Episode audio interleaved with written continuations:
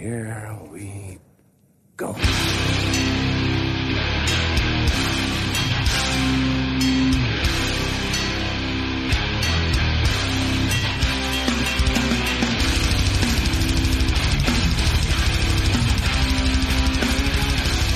Men sådär då, nere på noll avsnitt 154. Jag, Robin Lindblad, sitter här med Danne Nätterdal.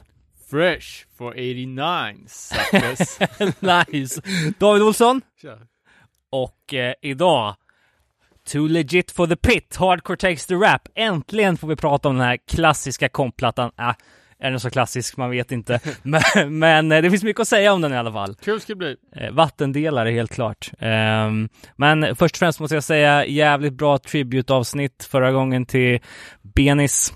Eh, kul med att uppmärksamma liksom alla hans eh, band genom åren. Och eh, det är inte för inte att man har funnit sig själv lyssnandes på Nine senaste veckan. Ja, mycket gött i den backkatalogen.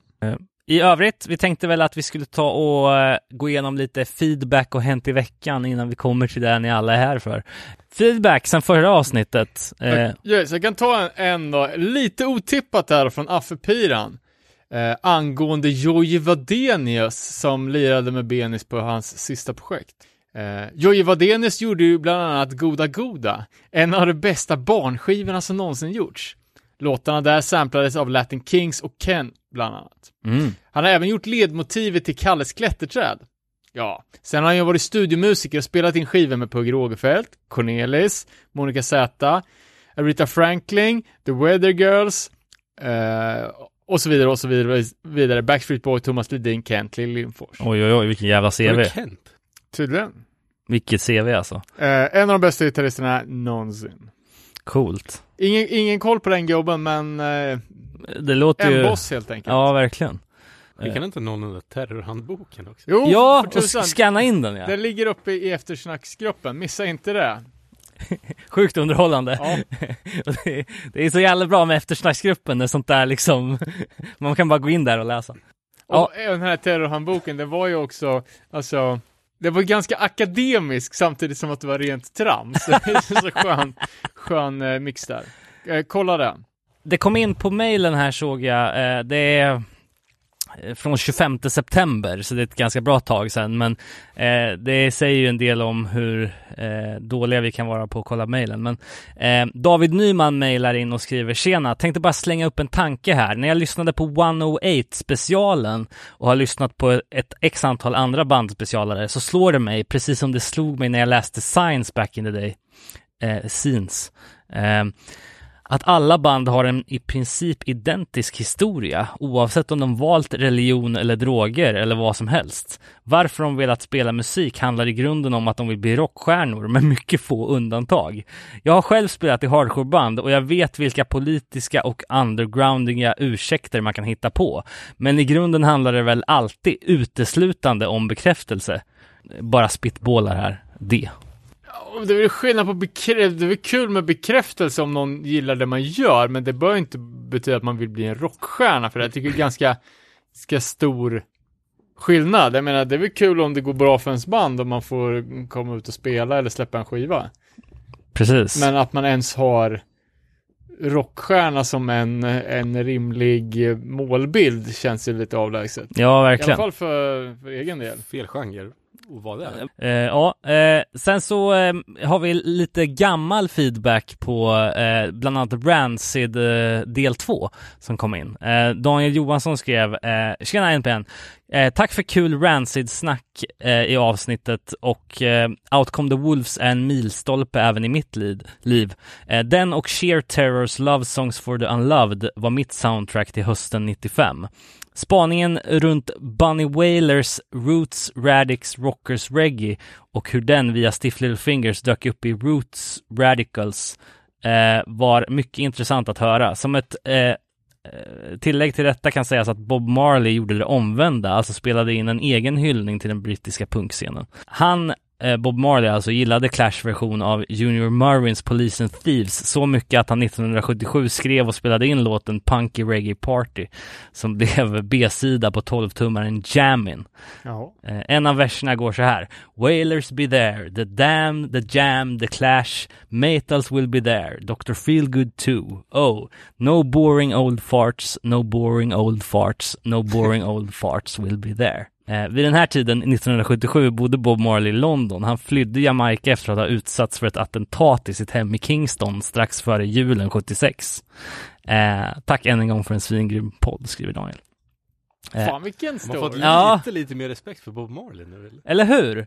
Och eh, Daniel skrev också faktiskt ett annat mejl eh, där han hade lite input på Danny Boyle som vi väl pratade om eh, i någon podd innan.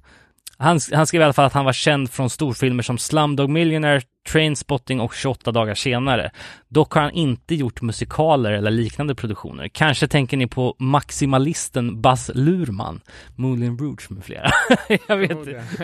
när, när pratar vi om det Nej, här? det där flyger över mitt huvud. Ja. Det är lugnt. Ni nämnde även att Painted Black och, eh, i, i förra avsnittet och David sa att han hade kommit att tänka på Lifetime.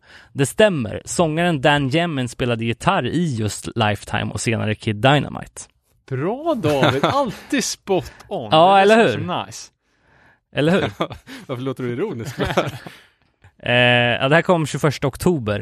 Eh, det är då från Flyktsoda Fanzine. Eh, tjena, tack för en skitbra podd. Jag är en tjomme som gjorde fanzines på 90-talet som en del av PyMag-kollektivet. Och jag kunde aldrig släppa det där med att sluta och pyssla med fanzines så jag återupptog den grejen 2014 och har sedan dess släppt ut en massa nummer av Flyktsoda. Sen smög det sig på mig att börja ge ut skivor och nu har det blivit ett helt gäng, se bifogat dokument. Eh, mestadels är är det HC men även lite svensk power violence, grindcore och punkrock. Ja, jag vet inte vad jag vill med det här mejlet men säg till om ni vill ha mer info eller något. Må väl och fortsätt ert grymma jobb, skriver Johan. Kul! Och sen så kom det också ett eh, mejl från eh, eh 13 ljus. Hej! Eh, vill egentligen bara säga vilket fint avsnitt om Benis. Eh, eftersom intresset kring Bonds of Trust är stort i vissa kretsar så kan jag avslöja att det var meningen att sjuan skulle vara en accursed split med Outlast. Vi hade inga låtar över så jag fixade, så jag fixade till det så det fick bli Bonds istället. Om jag minns rätt så hade Bonds eh, tänkt att släppa det på en kassett från början. All right. Fan, Eh, kan vi ha pratat om det Linköpingsavsnittet? jag vet inte, men Skitsamma. Han skrev i alla fall, om, om jag minns rätt så hade Bonds tänkt att släppa det på en kassett, eh, möjligtvis på Uprising och inte alls siktade på att det skulle bli en vinyl. Eh, terrorfanzinet är L number 2, The Terror Issue, och det släpptes. Uppföljaren var sinet som försvann på datorn på skylten. Stay Hardcore, John L. Lindqvist. Jon L. Lindqvist ska det kanske vara. Eller mannen bakom synet alltså. Ja, exakt. Eh, Ja, så det var lite från mejlen här. Jag ska väl ta och eh, se till att svara på de här grejerna också. Eh, vad det lider. Eh, feedback ja, vi har fått in inskickat eh, på temat Ding Merch. Uh, AFI släpper lite nya prylar, bland annat julgranskulor. Ja, men det där är ju faktiskt något som redan är gjort. Eh, Converge och Less than Jake har ju släppt eh, flera varianter. ja, jo, men jag tänker Visst att... har du, du har ju Lefty Jake-kulan. Ja, men ett, Du vill, du skulle vilja ha dem. ja, det vill jag. Jag Ett- köper det i... ett band som är så extremt förknippat med Halloween måste ju hålla sig till en Ja, högtid. sant, De kan sant. inte börja med jul också. Så liksom eh, någon form av eh, liksom pumpa, pumpa hade varit mer rimligt då. Ska försöka ombranda sig. Ja, exakt. Det är mer, Undrar om de ska släppa en ny skiva? kan man det då? Ja, och då, men då ger man för fan inte ut en Om det julgranskula. en Världen... julskiva. Oh, fan, vilken... ja, Ja, du är något på spåren där. snälla, gör det inte. Herregud. Eh, Sen fick vi även ett önskemål om ett Biohazard-avsnitt. Eh, nu är det ju hardcore möter rap väldigt snarlikt, så vi, det får nog pausas lite med, med det, men eh, absolut inom en framtid vore det skitkul. Det, det, det önskemålet har ju för fan legat i pipen sen vi startade podden känns det som. Det blir sommar, det är, det är så jävla kallt att gå ut i linne och ta, ta omslagsbilder. Sant, sant. Eh, och det var det jag hade på feedback-fronten. Ja men cool, då går vi in på Hänt i veckan. Eh, ett eh, band som är uppskattat men som jag inte har lyssnat så mycket på det är ju Hot Water Music. Men jag såg att de nu hade annonserat en ny platta. Vilket säkert är eh, på tiden för många. Eh, så att eh, det kommer heta Feel the Void och eh, eh det finns en video ute för låten Killing Time. Det släpps 18 mars på Equal Vision. Så det är kul. Sen så eh, har jag lite Chromags-relaterade grejer här då. Eh, först så, de släppte ju två bortglömda låtar, No Sympathy och Pull Me Push, som släpptes, som spelades in i samband med att Revenge spelades in år 2000. Okej. Eh, men eh, kom aldrig med på plattan. För Eh, dåliga alltså. Ja, eh, de Den var... där skivan ansåg det var pissdålig och tycker ni att så dålig är den fan inte? Nej, jag tror inte, inte heller att den är katastrof. Låtarna var med på eh, 2006 års 20 years of quarrel eh, and greatest hits compilation. Men eh, den är tydligen sedan länge liksom inte printad längre. Eh, på den här, eh, de här låtarna när de spelades in så var det Harley på bas och sång, eh, Rocky och George på lead och rhythm och Dave eh, DiCenzo på trummor de två låtarna finns ute nu, men det som var lite intressant med det här, det var ju att eh, som en reaktion på det här då, så lever det ökända bandet Agros vidare. Agros tog vi ju upp för typ ett år sedan när de frontade med den eh, fantastiskt underhållande nyheten att eh, nu har vi startat ett hardcoreband här som bara ska vara instrumentalt och vi ska släppa videos på varenda låt. Eh, det är ju Paris Mayhew som lirar gura för Chromax i början. Ja, men som, som var med på Revenge-plattan, så det var konstigt att, att han inte lirar på de låtarna som skulle ha varit på Revenge-plattan. Nej, men allt det här hänger ihop förstår du. Aha. Eh, Agros kom ju först till vår kännedom, ja, för exa- exakt ett år sedan, där raden Paris has stated that he plans to release an, uh, a new video for each song. Eh, det var ju underhållning så det heter duga. Vi kollar ju på en då. Vågar man gissa sig i efterhand att, det, att han inte orkade göra, göra klart det? Alltså jag tror ändå att han gjorde det för att ehm, nu är han ju tillbaka då. Eh, med... Den ska släppa en långfilm för varje låt. Nej men han är tillbaka med en eh, ny låt som heter City Kids med en nio minuter lång musikvideo där han skatar runt eh, olika eh, eh, vad kallar man det för? Fyrvägskorsningar i New York eh, samtidigt som de står och lirar. Han spelar ju eh, bas i den här videon. Jobbar inte han med film på något sätt?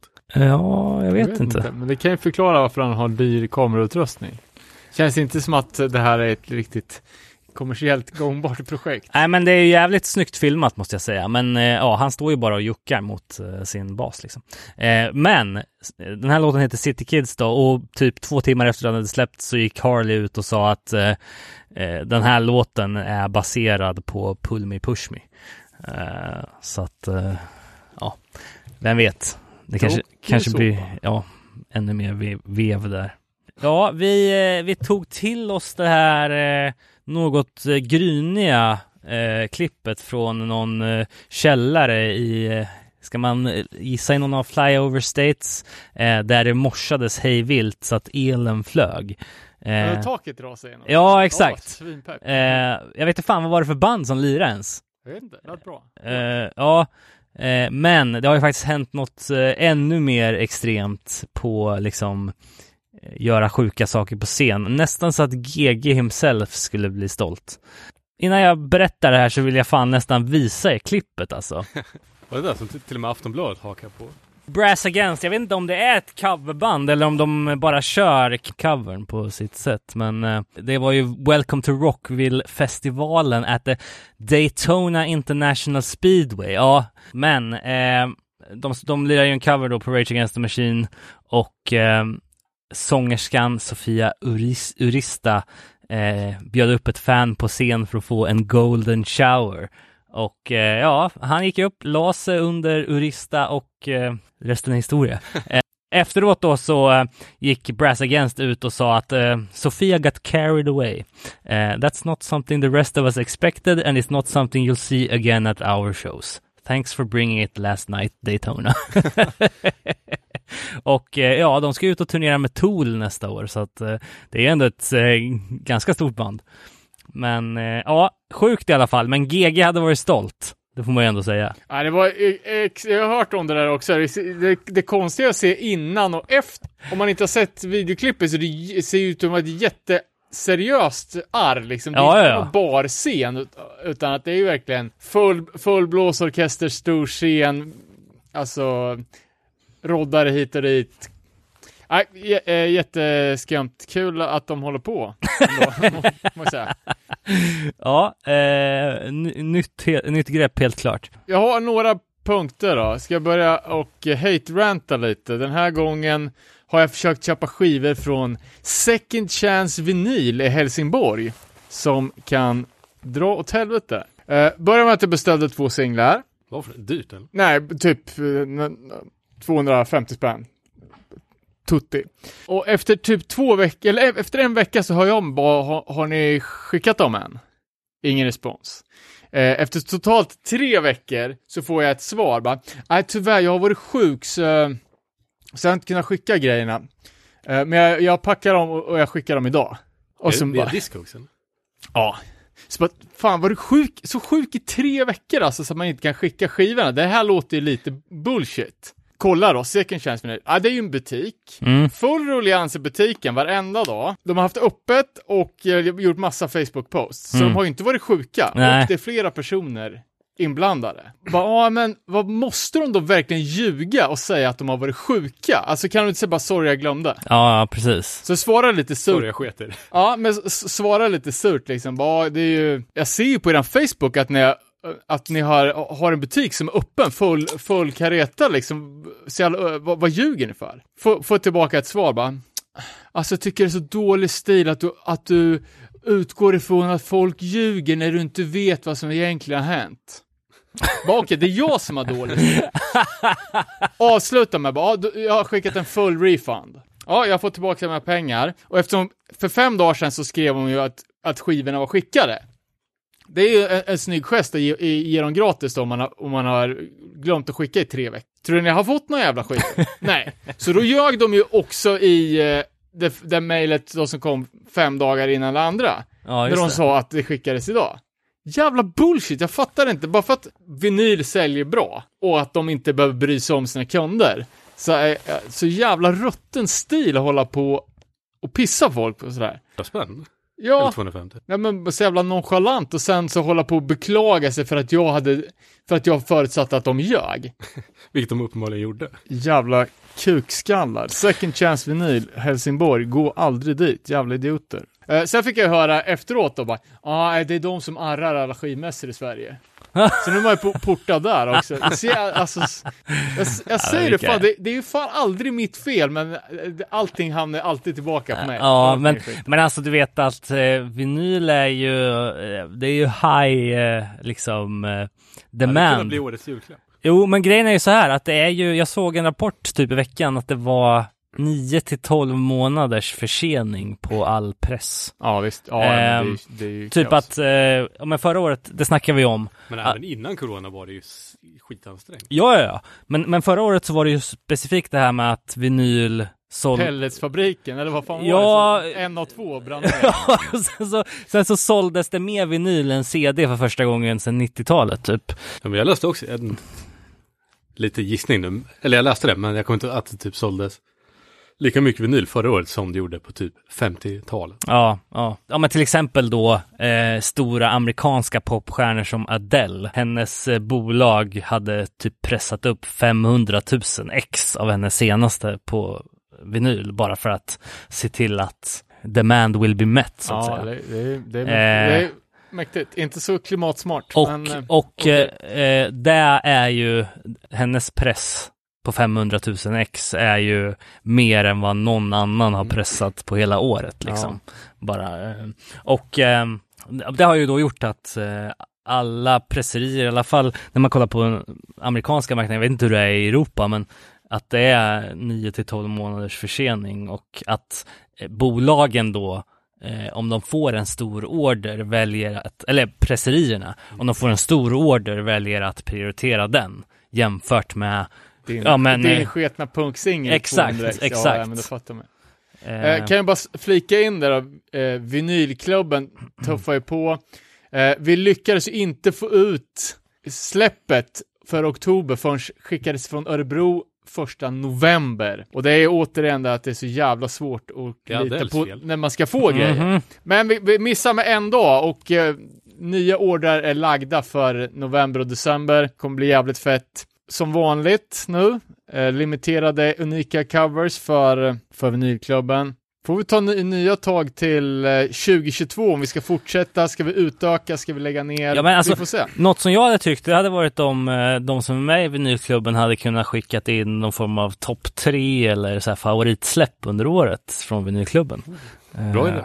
Så hade vi kunnat, ja men om ni vill spela in en liten trudelutt så kan vi lägga med det i eh, årskrönikan sen. Bra, bra idé. Eh, men, men det är också så här typ, eh, alltså bara för att återgå till att prata lite mer om det här problemet med delays. Eh, jag vet inte hur det var innan CDn kom, men något...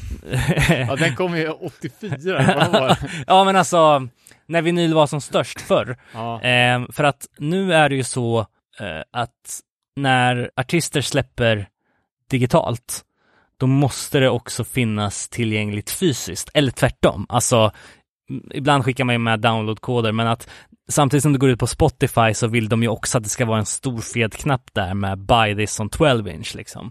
Eh, och det har också gjort att bolag, eh, presserierna då får in så pass stora orders liksom, bara för att Adele kanske inte räknar med att sälja 500 000 ex första månaden, men de kanske räknar med att sälja 100 000 ex första tre månaderna, men kanske mer än 500 000 under hela albumets livstid. Men eftersom man lägger en sån stor order för att det ska bli eld i baken och den där jäveln ska finnas där on release digitalt. Förstår vad jag menar? Det är exakt motsatsen till Dweed jobbar med Integrity Vinyl. och jag, jag såg att eh, Variety hade gjort någon uppskattning då att om vinylen inte finns tillgänglig när skiten dyker upp på streamingtjänster och sådär så kan det resultera i en 30-40 procents förlust av antalet vinyler som man säljer. Liksom i jämförelse Ja, med förstår. att skivan släpps på november, vinylen kommer i december liksom jämfört med hur mycket man får ut. Ja men nyhetens Eh. behag är ju typ i nanosekunder. Ja. Och speciellt med, om man ska klumpa ihop alla så här ma- mainstream major label som inte har kanske sån, alltså det är svårt att jämföra sig med punk-fanbasen som, som är mycket mer lojal än radiolyssnarkunden som, som, som köper en grej lite på, på, på random mer. Precis. Det kändes inte som att vinyl var ett tag, det, som folk skröt med en bokhylla ett tag. Så hade folk fast vinyl. Ja, men, köpte creddiga skivor utan att lyssna på dem. Exakt. Eh, det är ju så jävla Ifall de får hem något Tinder-date, så bara, ja, men kolla här, kolla här. Precis, precis. Jag eh, är ju, går i, i eh, tankarna på att sälja lägenhet och eh, där kan man ju så här be om att få den inredd och bla bla bla så här. Och då Istället för att lägga fram citroner, som de alltid gör, så lägger de fram. chunking och, och liksom. ja, nej men, och där fanns det ju en option då såklart. En välorganiserad bokhylla. Berg, bort Nej, med exakt. för fan. Bort med liksom eh, this or that bokhyllan och in med liksom eh, Kafka, typ. To kill a mockingbird, ja. Eh, men i alla fall, man säger att eh, liksom de här stora bolagen, de prioriterar ju alltid sina mest sålda artister såklart. Eh, och även då presserierna gör det nu och eh, mindre bolag kan få vänta, jag tror att tidigaste releasen eh, är augusti 2022 nu, eller till och med början av 2023. Men, men det, det känns som att det är så med allt. Alltså kolla på eh, det här jävla eh, chip shortaget eh, bland bilar liksom. Om du ska köpa en ny bil nu så, ja, så får du vänta till 2023 liksom. Eh, Det, ja, och allt för att den här jävla internationella fraktmarknaden är fucked up liksom. Det är lika bra att inte köpa något nytt. Nej, precis. Buy nothing year. Ja, förlåt, det var en rant. Vart, vart befann vi oss? Vi pratade Ja, om vinylklubben. Ja, ja, men det var väl det. Många gång omtalade Coxbearer ut på turné på sitt 50-årsjubileum nästa år. Är det inte sjukt? Fan vad kul! Vart kan vi få se dem? 600 datum i Tyskland, antar jag. Ja, där, där kan man se dem. Revolution. 100%. Förlåt. Rebellion. Rebellion.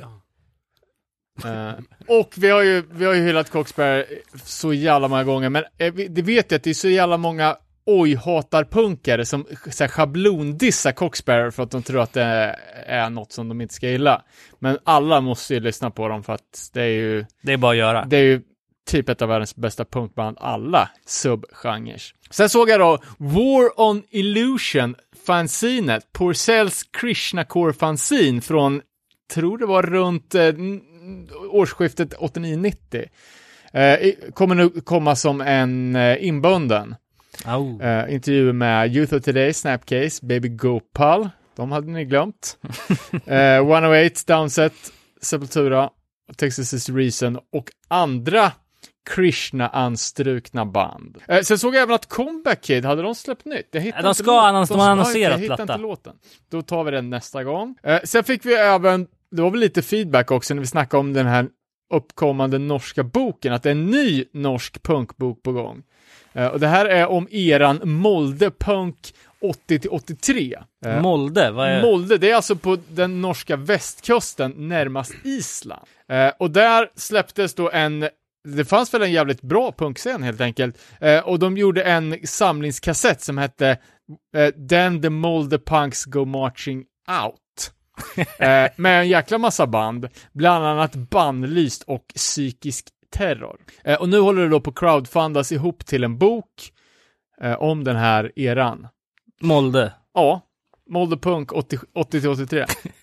Det är, ja, det är nisch. Det är, det är smal, smalt och bra. Eh, men jag fattar, jag fattar fortfarande inte när det crowdfundas ihop till böcker, för det står så här, om, om målet 150 böcker möts så kommer boken skrivas, Ja, precis. tryckas och distribueras. Annars får du pengarna tillbaks. Ja, men vad då ska han börja skriva? Ja, det låter ju helt sjukt. För då är det ju till tre år in the making. Ja, men det kan det ju vara, vad fan. Eller är det att han ska bara skriva ut den och häfta? Nej, då, då, är, det- då görs den väl, men det är väl klart att han sitter på säkert råmaterial. Ja. Så, såg du någon presentationsfilm eller? Nej, jag, jag, såg, jag såg bara headline. Och måste, vi måste väl gå ut på en liten, eh, ännu en tragisk bortgång i punkscenen. När vi precis hade avslutat Benis-avsnittet. Fredrik Hellman, från, mest känd från bandet Bruket, men även nu senast Hellman och Härden, som, som har gått bort. Otroligt tragiskt med ännu en, en ung människa som försvinner all, alldeles för tidigt. Och jag tycker Hellman hade sån jävla, kändes som en rockstjärna på något sätt. Alltså hade sån, sån Kombinerat med jävla talang. Alltså. Ja, jag, Jag lyssnade på den bruket, ja, den är fan typ över tio år gammal. ja. Och så jävla bra fortfarande. ja, jag tycker att både, Och Hellman och här, den var ju också svinbra. Ja, jag tycker både Bruket och Hellman och Härden är ju de banden som vi brukar klassa som Håkan-punk, alltså bland de topp fem bästa. Alltså. Tycker det är så jävla bra. Eh, jag hade ju, jag tror, jag tror jag, tror jag pratade om det i, podden när det hade hänt, men jag kände ju Hellman till, till ryktet först.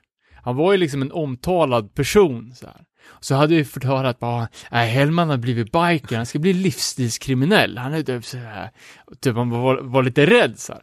Eh, och som sagt från Fagersta. Och när vi var ute på krogen så ser jag han, han står själv i baren eh, i, i full bikermundering. Och vi hade ju sett bruket, så liksom så här, Och då hade han ju långt hår och Ja, men så- skinnjacka. ja men Smiths kille liksom som sjunger fin, liksom vemodig poppunk. Och nu står den där stenhårda biken med ansiktstatuering och så stora ringar och typ.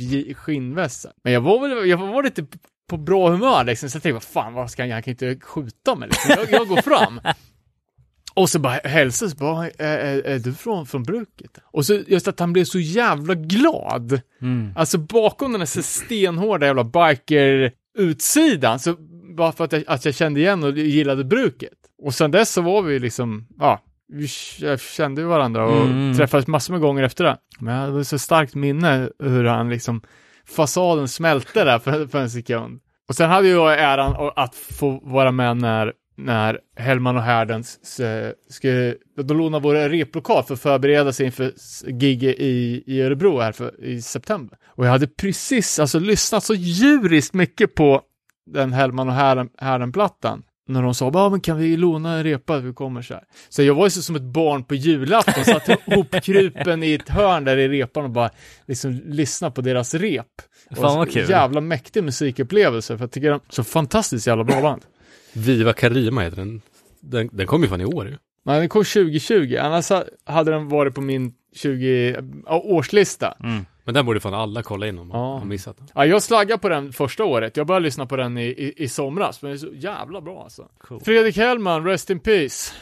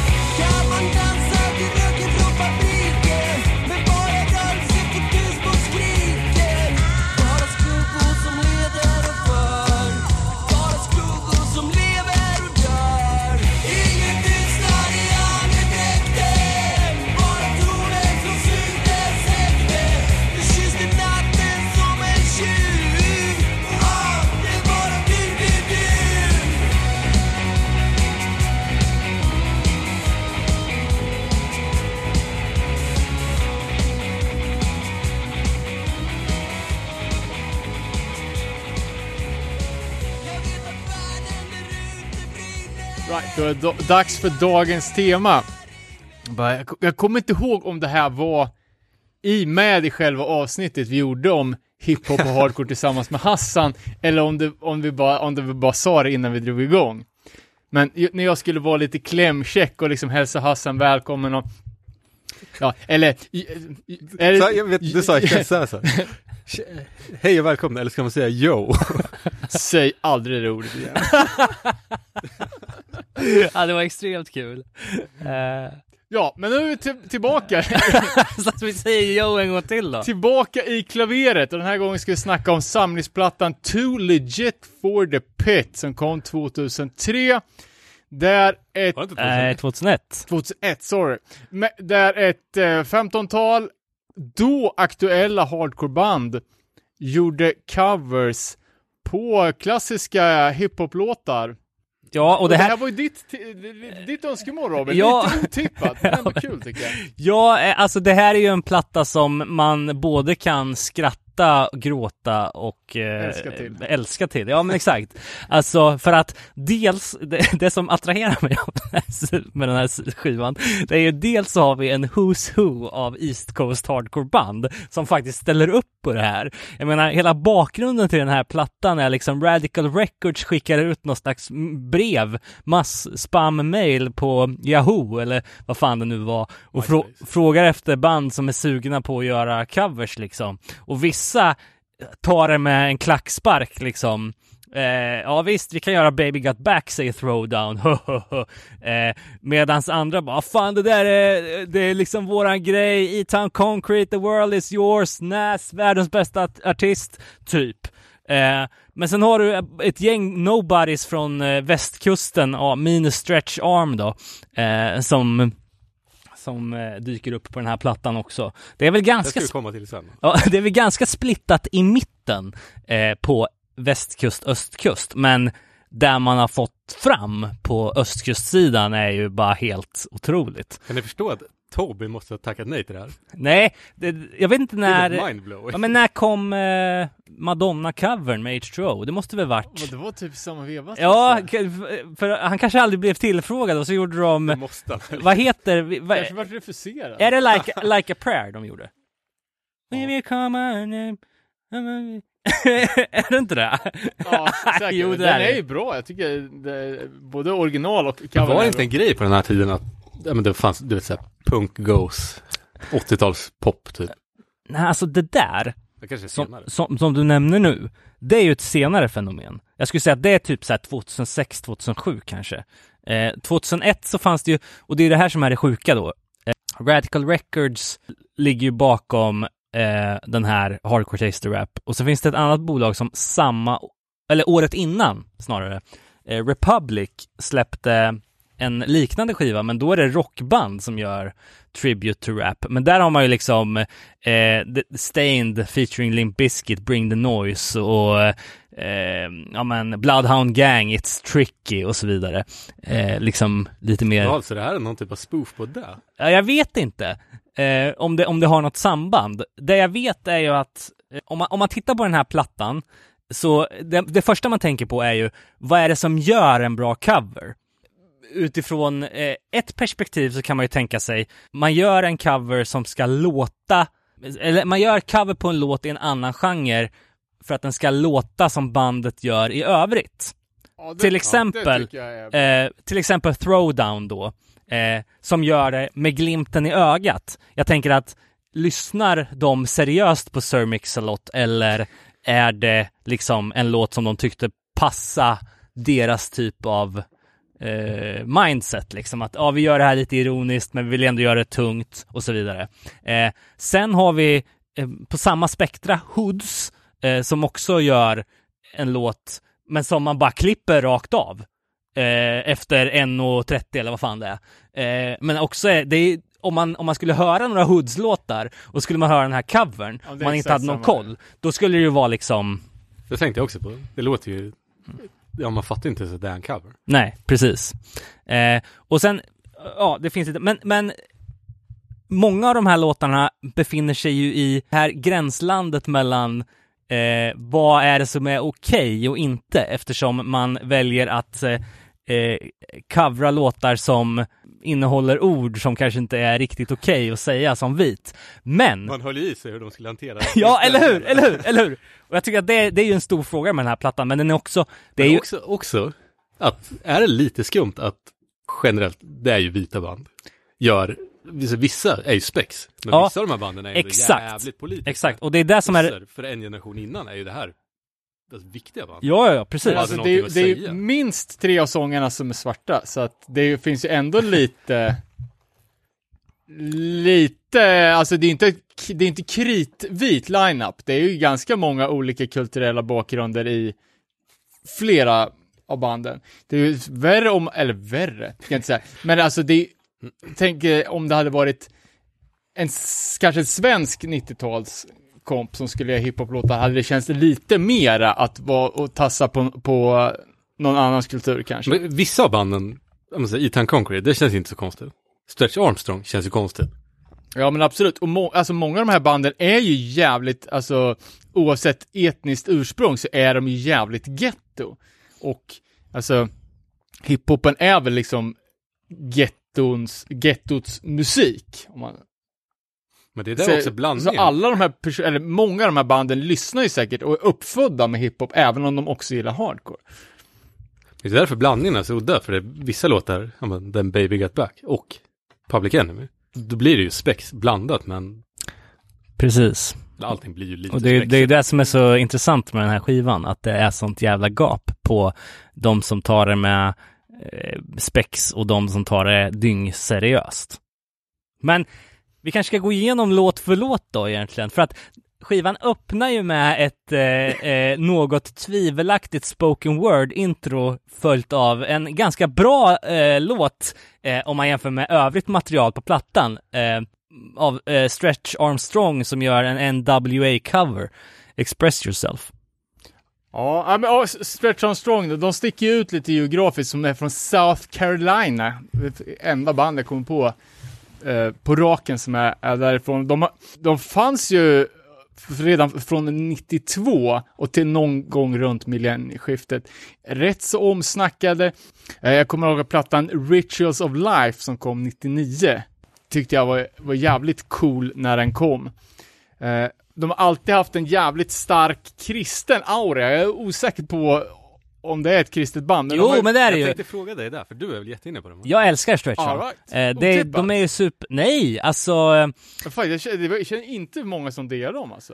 de har ju en jävla hardcore-dänga eh, som eh, Men vi, de är kristna, eller hur? Ja, Angels for the Falling har de en låt som heter bara I will open my window, du vet. Eh, men de har ju en låt som heter någonting som eh, liksom verkligen eh, fångar den här, alltså eh, den öppnar med så här textraden Not exactly proud of the place I'm from.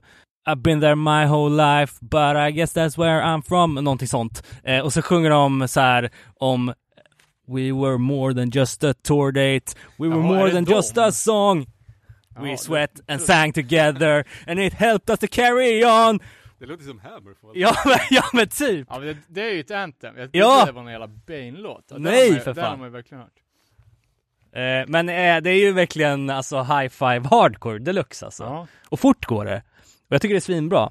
Och eh, eh, cool, eh, eh, om man ska prata om så här, vad som utmärker 2000-talet för mig, så Stretch Armstrong zip hoodien med en eh, Du- eh, fr- från... du, Robin. jag köpte väl den av Jag köpte dig! den innan vi kände varandra. Ja just det! Var det så vi lärde känna varandra till och Jag med? inte. Jag tror inte vi kände Hur såg varandra. den ut? Här Eh, det var som eh, vingar upp så här eh, röda, och så stod det Stretch Armstrong, och du gav den till mig på skylten kommer jag ihåg. Jag köpte den, fan vad sjukt! Men jag tror inte vi kände varandra. Eller köpte jag den av din brorsa? Nej. Nej, du köpte den av mig. Det var, ja fan. Jag kommer så väl ihåg det. Jag var lite för cool för Stretch Armstrong. Ja, och jag bara wow! jag, jag skojar. For the record heter den låten. Eh, såg här när jag, när jag bläddrade igenom diskografin, de har ju släppt ganska mycket grejer. Eh, fem plattor tror jag. Eh, att första LPn är släppt på Sean Mutakis, det är hans nya Hardline Records. Ja, men de är ju super straight edge. Eh, Och det är det som är så kul att de kör Express Yourself också. ja, originalet är ifrån eh, NWA. Ja, Eh, samplingen som är typ hela låten är en gammal Charles Wright-låt. Eh, men det här är ju typ antidrogtexter, vilket är superkonstigt. Men det här var ju NWA's, alltså de vart ju superkända med Fuck the Police-låten och Precis. hamnade ju jävligt mycket trassel för det. ja exakt. Så det här var ju deras så här, nu måste vi släta över det här lite och göra en, en text, en, en, en låt som är jävligt eh, familjevänlig, så att vi kan bara få spelningar igen, för att snuten kommer att stänga ner alla våra gigs. Just det. Eh, och till exempel då så är det, eh, I still express, yo, I don't smoke weed or cess, cause it's gonna give a, a brother brain damage. Och sen är det ju, some say no to drugs and take a stand, but after the show they go looking for the dope man. Just det. Så det är mycket sådana anti, antidrog Men då, då går det ju i eh, eh, linje med, med band, alltså Stretch Armstrong, att, att de väljer den. Ja, Så. och även i texten så är det ju då I, I get straight and meditate like a buddhist. Mm. Eh, och där tänkte jag, nu ska jag lyssna om de har översatt buddhist till Christian, men det hade de inte gjort. Eh, och alltså alla som, som känner NWA vet ju att de kanske inte tog 100% avstånd från röka gräs, Nej, verkligen. efter. verkligen. Men eh, texten i sig är ju en antidroglåt. Eh, men covern, jag tycker det är, alltså, det är fruk- fruktansvärt dåligt på sina håll. Jag tycker det är cringe-värdigt, det här introskittet. Det, Ja, vad fan är det han liksom- säger? All your brothers out there, bla bla bla, någonting. Men, vad, är det med på en av deras riktiga skivor också? Lyckades jag googla mig till. Eh, Ja, exakt. Engage från 2003. precis. Som också släpptes på ett specialformat med en copyright, eller så här copyskyddad CD.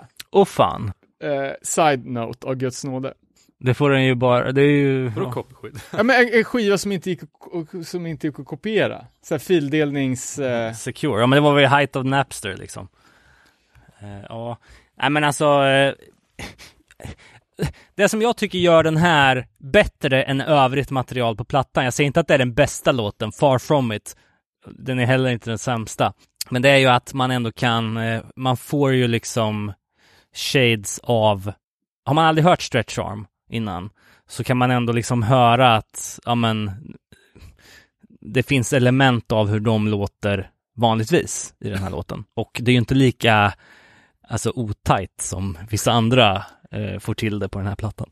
man, får, man får ju ge dem att, alltså, okej, det här är liksom det här, den kristna auran med 0% gata i rösten som gör liksom till exempel introskittet lite obehagligt och även rappartierna. Men sen tycker jag att liksom, de, de blandar ju mellan rap och sen kör de ju punk i refrängen. Ja, Väldigt, alltså då är det ju riktigt poppunk, det är Ja. inte ens hardcore. nej, Och när de spelar punk, då låter det mycket bättre. Men jag tycker äh, själva rapinsatsen är inte så bra. Sen har de ett skitkonstigt typ xylofonparti, som det är ju det sämsta av allt. Men ja, så, som du säger, det är inte den bästa låten, men det inte, det inte heller den sämsta. nej. Jag, ty- jag tycker det...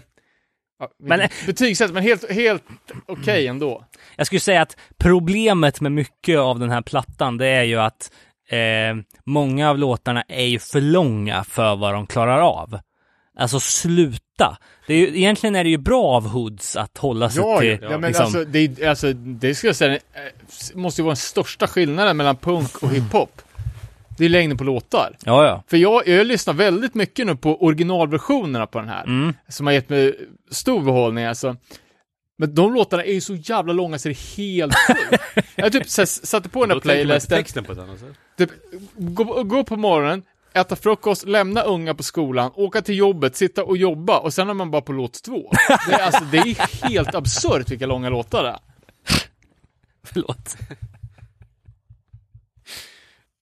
Det sätter ju också standarden det här öppningsspåret med liksom att den har typ alla komponenter som är liksom tacky. Ja. Eh, men eh, där, jag, där jag skulle vilja lyfta fram ändå, eh, om vi känner oss klara med spår ett och kan gå på spår två, Absolut. det är att en annan sak som eh, gjorde det spännande att prata om den här skivan, det var att ehm, när jag väl hade eh, lyssnat igenom den några gånger själv och liksom tänkt att det här är ju clownvarning deluxe liksom, eh, då gick jag ut och kollade lite vad, vad folk skrev om den här plattan när den kom. Ja. Och det var ju inte en enda dålig recension. Nähä. Alltså, och, och folk bara, åh, eh, det märks att kan, Candiria, eller vad fan heter de, Candria, spår 2, att liksom, åh men det är så authentic och han, sångaren i det där bandet är ju också eh, afroamerikan. Eh, vi, och så här, bara, åh men det märks att de gillar Dr Dre och Snoop och bla bla bla så här. Eh, och att eh, Deep Cover då, som de kör som spår nummer två här, är liksom ehm, en av de bästa låtarna på skivan liksom. Och att det är en bra cover, men vad fan, det är ju knappt en cover. Men man tvekar, jag har aldrig tvekat på att banden inte gillar låtarna. Nej men alltså att, jo men det, det kan jag ändå tycka att man gör på sina ställen. Alltså, eh, Möjligen Stretch Armstrong. ja men alltså, eh, och kanske liksom om eh, throwdown-snubbarna hade fått välja så, liksom, Ja, men det känns ju som att, ja men, nu är, är den här från, av, vad sa jag, 2001 och det är sån här ap- approprieringsdebatten fanns ju inte då. nej det, Men det är liksom, ta Throwdowns som exempel som tar en låt, den kanske inte var så jävla seriös från början, men de clownar ju till den liksom. De, Ja, gör, de exakt. gör ju det här för att de tycker att det, är, det blir liksom buskis. ja exakt. Och det är, det är kanske inte lika snyggt som att göra någonting 100% helhjärtat. Nej exakt. Men alltså, visste ni om den här skivan när den kom? Jag har aldrig sett den förut. Nej, jag eh, lyssnar Jag har inte på ett den. svagt minne av det. Tror att jag redan då kanske insåg att det här var Att det var pajigt. det som, det är därför vi pratar om den, för att de har lyckats fått en sån jävla line-up på den. För att det är ju ingen i sin rätta mening som skulle ta sig för att göra det här. Alltså, och också vart de här banden som är med på den här kompen stod då, eh, liksom i förhållande till uppfattningen i scenen om hur jävla livsfarliga Bad Luck 13 var eller hur jävla liksom Hoods världens hårdaste band då liksom. Det är som, eh, ja, vad fan, Spectral Wound skulle göra en Britney Spears-cover, det skulle liksom inte funka. Men här var det ju så, liksom. De gick med på det av någon jävla anledning. Och då är det ju Ja, roligt nej, men jag, att... tror, jag tror inte att nå- någon hade några betänkligheter. Och, och, och, och så, så, om du sa liksom att den togs emot bra då, så jag tror att... Ja, men om, om det hade varit en, en eh, liksom en, en stor rockskiva som hade kört samma tema med Limp Bizkit och likadant Bloodhound Gang och dem. Alltså det här var ju i brinnande nu metal, Fred Durst-era. Era, liksom. ja. Så det var väl supernormalt att folk rappade. De kanske till och med tänkte att fan, om någon får höra mina rap skills så kommer vi bli signade på... Major. Ja men typ. Ja visst. Eh, och, eh, men, men också att det inte var några varningssignaler som gick gällande Radical Records. För att vad fan har de på sin diskografi? Ja, Eh, jag känner inte... De, de har släppt eh, The Cramps, Anti-Heroes, eh, Mr. F- Mr. Freeze and the Homewreckers. eh, ja, och, och det var typ det de hade släppt. Eh, Så också att skivan har blivit återsläppt på tyst bolag 2003. ja, precis. Det är fan... Inte helt oväntat. Nej. Eh, 2003, de skulle- de skulle kunna återsläppas till Tyskland 2019 typ. Men alltså den här nu metal-kopplingen då, för Candiria som, eh, som är det andra bandet ut då, de är ju typ no, alltid ansett som någon typ av proto-nu metal.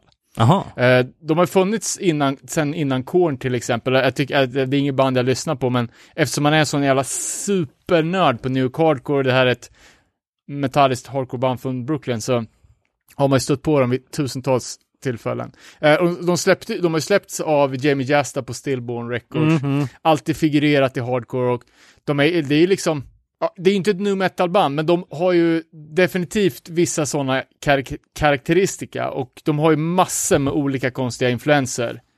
Eh, inte speciellt bra tycker jag inte. Eh, men jag har aldrig hört någonting låta mer nu metal än den här covern.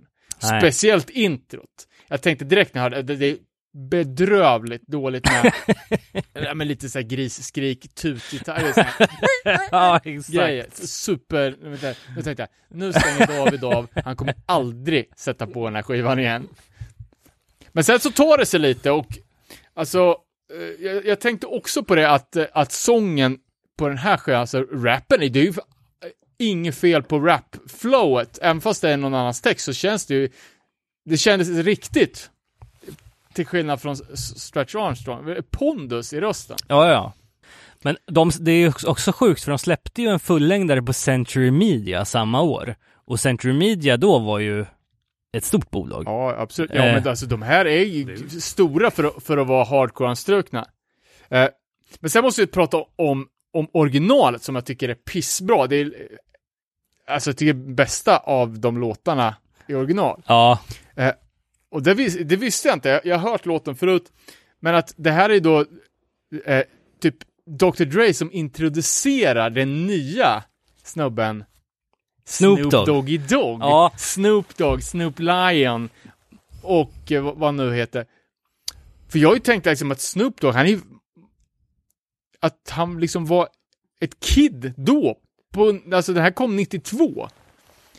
För Jag, jag tänker liksom, man ser Snoop Dogg nu, han ser ju liksom lika gammal och inrökt ut som Lee Scratch Perry som är 80, eller var 80. mm. Men, Men- han är då typ s- 50 blankt. Ja, men eh, Snoop Lion. Eh, men kolla på filmen Straight Outta Compton om NWA. Där har de ju med bakgrunden till att de introducerar Snoop Dogg. Okej. Och när Dr. Dre går solo och släpper, släpper The Chronic och ja. All right. Ja, Snoop Dogg är fan bra också. Ja, han är ju svinfet. som lite, ja, men, Pajig ja. ja. Men alltså det är bara för att förr eller senare så... Men så typ när han var gangster, då är det ju ja, det är nice. stenhårt.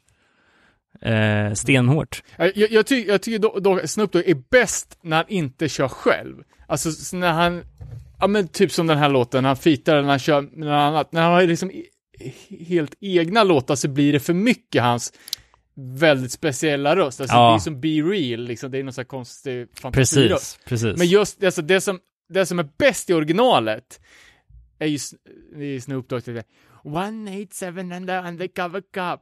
Och det är det som är sämst i covern, när, när det blir så grisskrik. Ja, jag håller med. Men överlag, mm, jävligt svag öppning på låten. Ja, Uh, helt okej då och då, men alltså originalet är ju så jävla mycket bättre. men det är så jävla kul att du säger att det är en svag öppning på spår 2 när det är en jävla dunderöppning på spår 3. I like big butts and I cannot lie. Ja, ja men ja, exakt. Det här är I, ju, I en jävla satans eh, röst liksom. För, för det, det här är ju också en, jag vet inte vad, men det är säkert, känns det som en så här, Du vet, man är trött i en studio och bara skit, vi spelar det här också. Typ.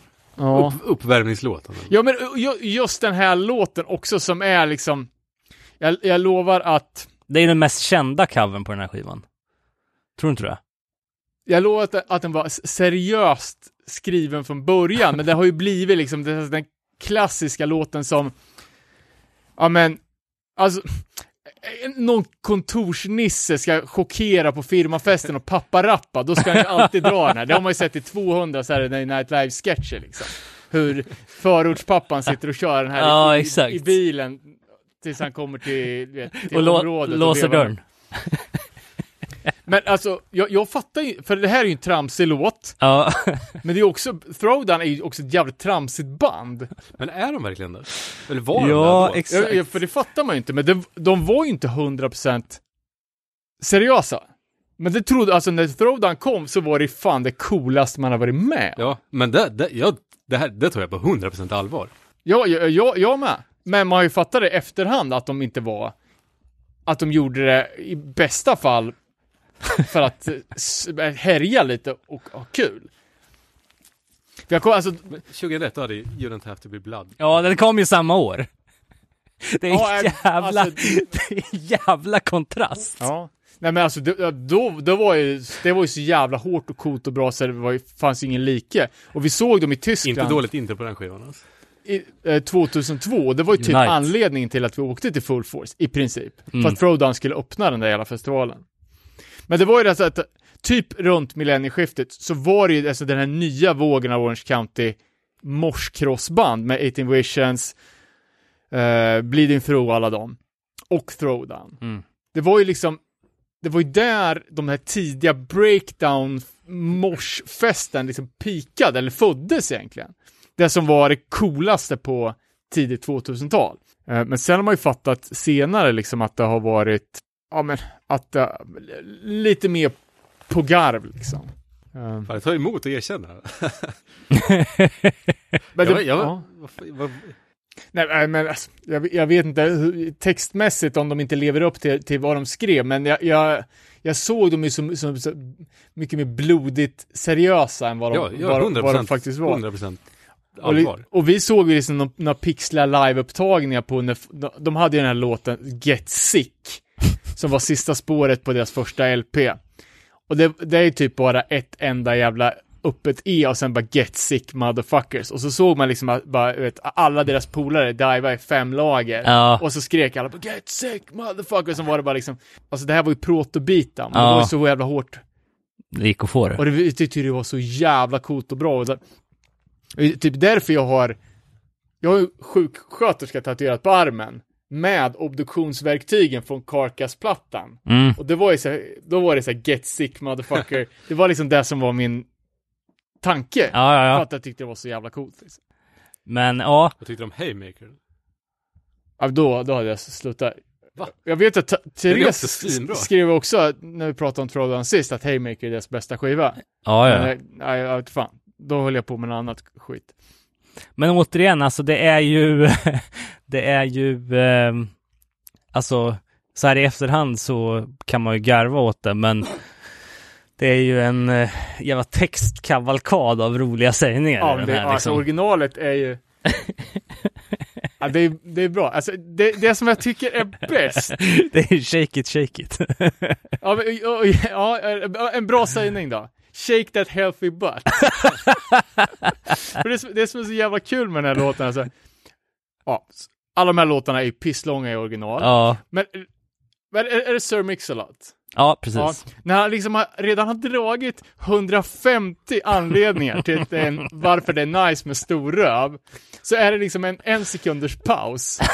Sen börjar han om och kör fyra minuter till. Och det tar ju liksom aldrig slut. Undrar om man följde upp den här låten på något sätt. Men grejen är att, han- då, eh, jag vet inte om, eh, är det så i originaltexten att han sjunger eh, Triple X Throwdown?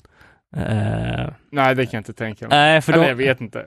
Nej, jag, jag har ingen, ingen koll, men det låter väl som att det är någonting de har lagt till kanske. So ladies, if the butt is round and you want a triple X throwdown. Sjunger de ju i slutet. Ah, Okej, ja. ja. Det skulle kunna vara i originalet också. Eh, men om, om man tänker, för, för den här te texten, jag, jag vet inte om, om det hade eh, liksom 2021 gått att göra cover på den här, för det är ju liksom, ett tag så hyllades ju nästan den här texten om för att den var så här lite body positive och att, du vet, eh, att, det idol, idoliserade ett annat kroppsideal än Ja. pissmal. Men hela låten är ju bara så här, väldigt mycket en snubbe som på ett väldigt bestämt sätt säger åt tjejer hur de ska se ut. Ja, exakt. Det The stämmer. skin in the middle, vad fan. Nej, fan, jag kommer inte ens ihåg vad det är. Men... Eh, och det känns ju kanske inte som att det hade flugit om, det, om man hade försökt göra den här låten idag. Då tror jag folk hade passat sig lite. Eh, men den är, ja, vet fan. Konsensus. Det är ju också kul att, han- att de sjunger.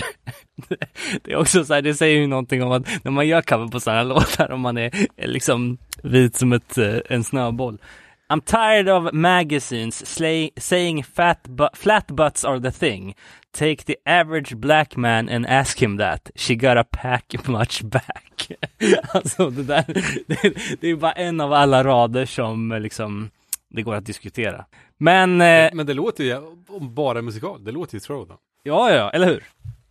Ja, eh, det, jag, jag tycker, om man får välja så är det typ när bandet låter som sig självt, Mm. eller när de kör ren, rena rap-versioner, är bättre än när de försöker mixa. Ja, precis. Ja, jag håller med. Eh, nästa gäng då, eh, också extremt lika sina egna låtar, och det, det är väl eh, Hoods, Mama said knock you out. LL Cool, cool J-låt va, från början? Låttiteln är on brand för Hoods. Ja, alltså jag är 100% säker på att de De inte ens har hört låten. Nej, att det bara är en cool sägning som de vill sjunga. Och Hoods då, jag vet inte, om de som inte är, är bekanta med var, var ju en, någon typ av stenhårt slash eh, punk beatdown band från Sacramento som turnerade jävligt flitigt i Europa, var alltid i, i trubbel och släppte en, en hel rad med skivor eh, och gjorde sig ovän med ganska mycket, mycket folk. Eh, och de första två, tre gångerna som Hoods var i Sverige så var det ingen som brydde sig. Men av någon märklig anledning så fick de till en merch-hit med t-shirten Emo Killers med ett automatvapen eller ett knogjärn som såldes i tusental i storlek small i Sverige. och sen vart de liksom så household name. Ja, ja men vad, var det? Det var nog bara en låt, tror jag. var det inte Rihanna som dök upp i en Hoods-tröja häromåret Ja, också? mycket möjligt. Jo, just det. Eh, Vad fan var det? I den där jävla filmen, eller på inspelningen av Battleship tror jag det var, eh, den filmen. Så det var någon connection där. Eh, men ja, men det var väl också ett av de banden som man upplevde som liksom eh, mest pondus på eh, liksom eh, hardcore-fronten på den tiden. Alltså så här, man var lite rädd för. Ja, ja men absolut. Och så Mikey Hood då, som är väl eh, liksom, Vertikalt handikappad. Han är jätteliten ju. hur fan, vi har ju redan, redan i vårt första avsnitt så, så började vi diskutera om hardcore-branschens mest tjackiga band och kom fram till att det var Hoods. Och det är någonting som man definitivt kan få stryk för. I och med att de har boxat sig igenom Sverige två, tre fighter per natt i, eh, ja men, varenda gång har varit i Sverige. Ja, Så vi ska inte, inte göra några engelska poddavsnitt.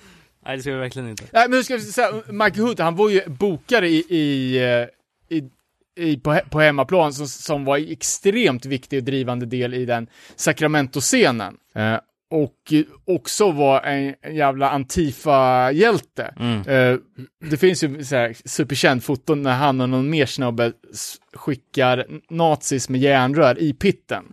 Eh, och alltså alla beskriver honom som en, en dåre, men han var ju en jävligt viktig dåre för hardcore på den tiden. Känns som jag pratade om det här förut, men var han inte också någon typ av fotbollstalang? Mycket och möjligt. typ spela i Chelsea. Nej, det låter... Okej, okej. Okej, inte Chelsea. Men något lik, fan, något liknande typ. låter helt orimligt. Eh, ja, ja, ja, jag vet inte. Men, och, och Hoods som band gick ju från någon typ av old school posse-band till stenhård beatdown och på de sista skivorna så var det ju nästan bara punk. ja. Eh, och jag tappar dem lite, alltså jag diggar vissa grejer. The King is Dead var ju bra. Efter det alltså. Och Time the Destroyer är också skitbra. Ja, ja, ja. Men Och- efter The King is Dead. Ja, sen vart det för mycket. Ghetto Blaster och alla. För då vart, de, de fick liksom ett, ett eget sound. Så, alltså, precis som den här covern, att de har den här punktransportsträckan till Cross. ja. Lite som Death Threat typ. Sluta. Tycker du inte? vad, vad, vad säger du nu? Att de har punk... Ja, men, ja, eller så här, Ja, typ snabbare, okej. snabbare delar kombinerat med något som är jävligt hårt. Ja okej, jag, jag, jag, förstår, jag förstår vad du menar men Death Threat kan inte göra någonting, någonting fel. Jag tycker inte det här blir så nice för det är så jävla uppenbart transportsträcka till, till, Till break, breaket, ja. Och det blir lite, jag tycker det blir lite grötigt faktiskt. Men kul då att de gör cover på en artist som eh, LL Cool J som ändå tituleras som den som släppte den första hiphop-balladen. Men ja, vi har, ju, vi har ju nämnt gång på gång på gång här om vad som gör en bra cover eh, i det att eh, om det låter som bandet gör i övrigt och det får man ju ändå ge den här låten.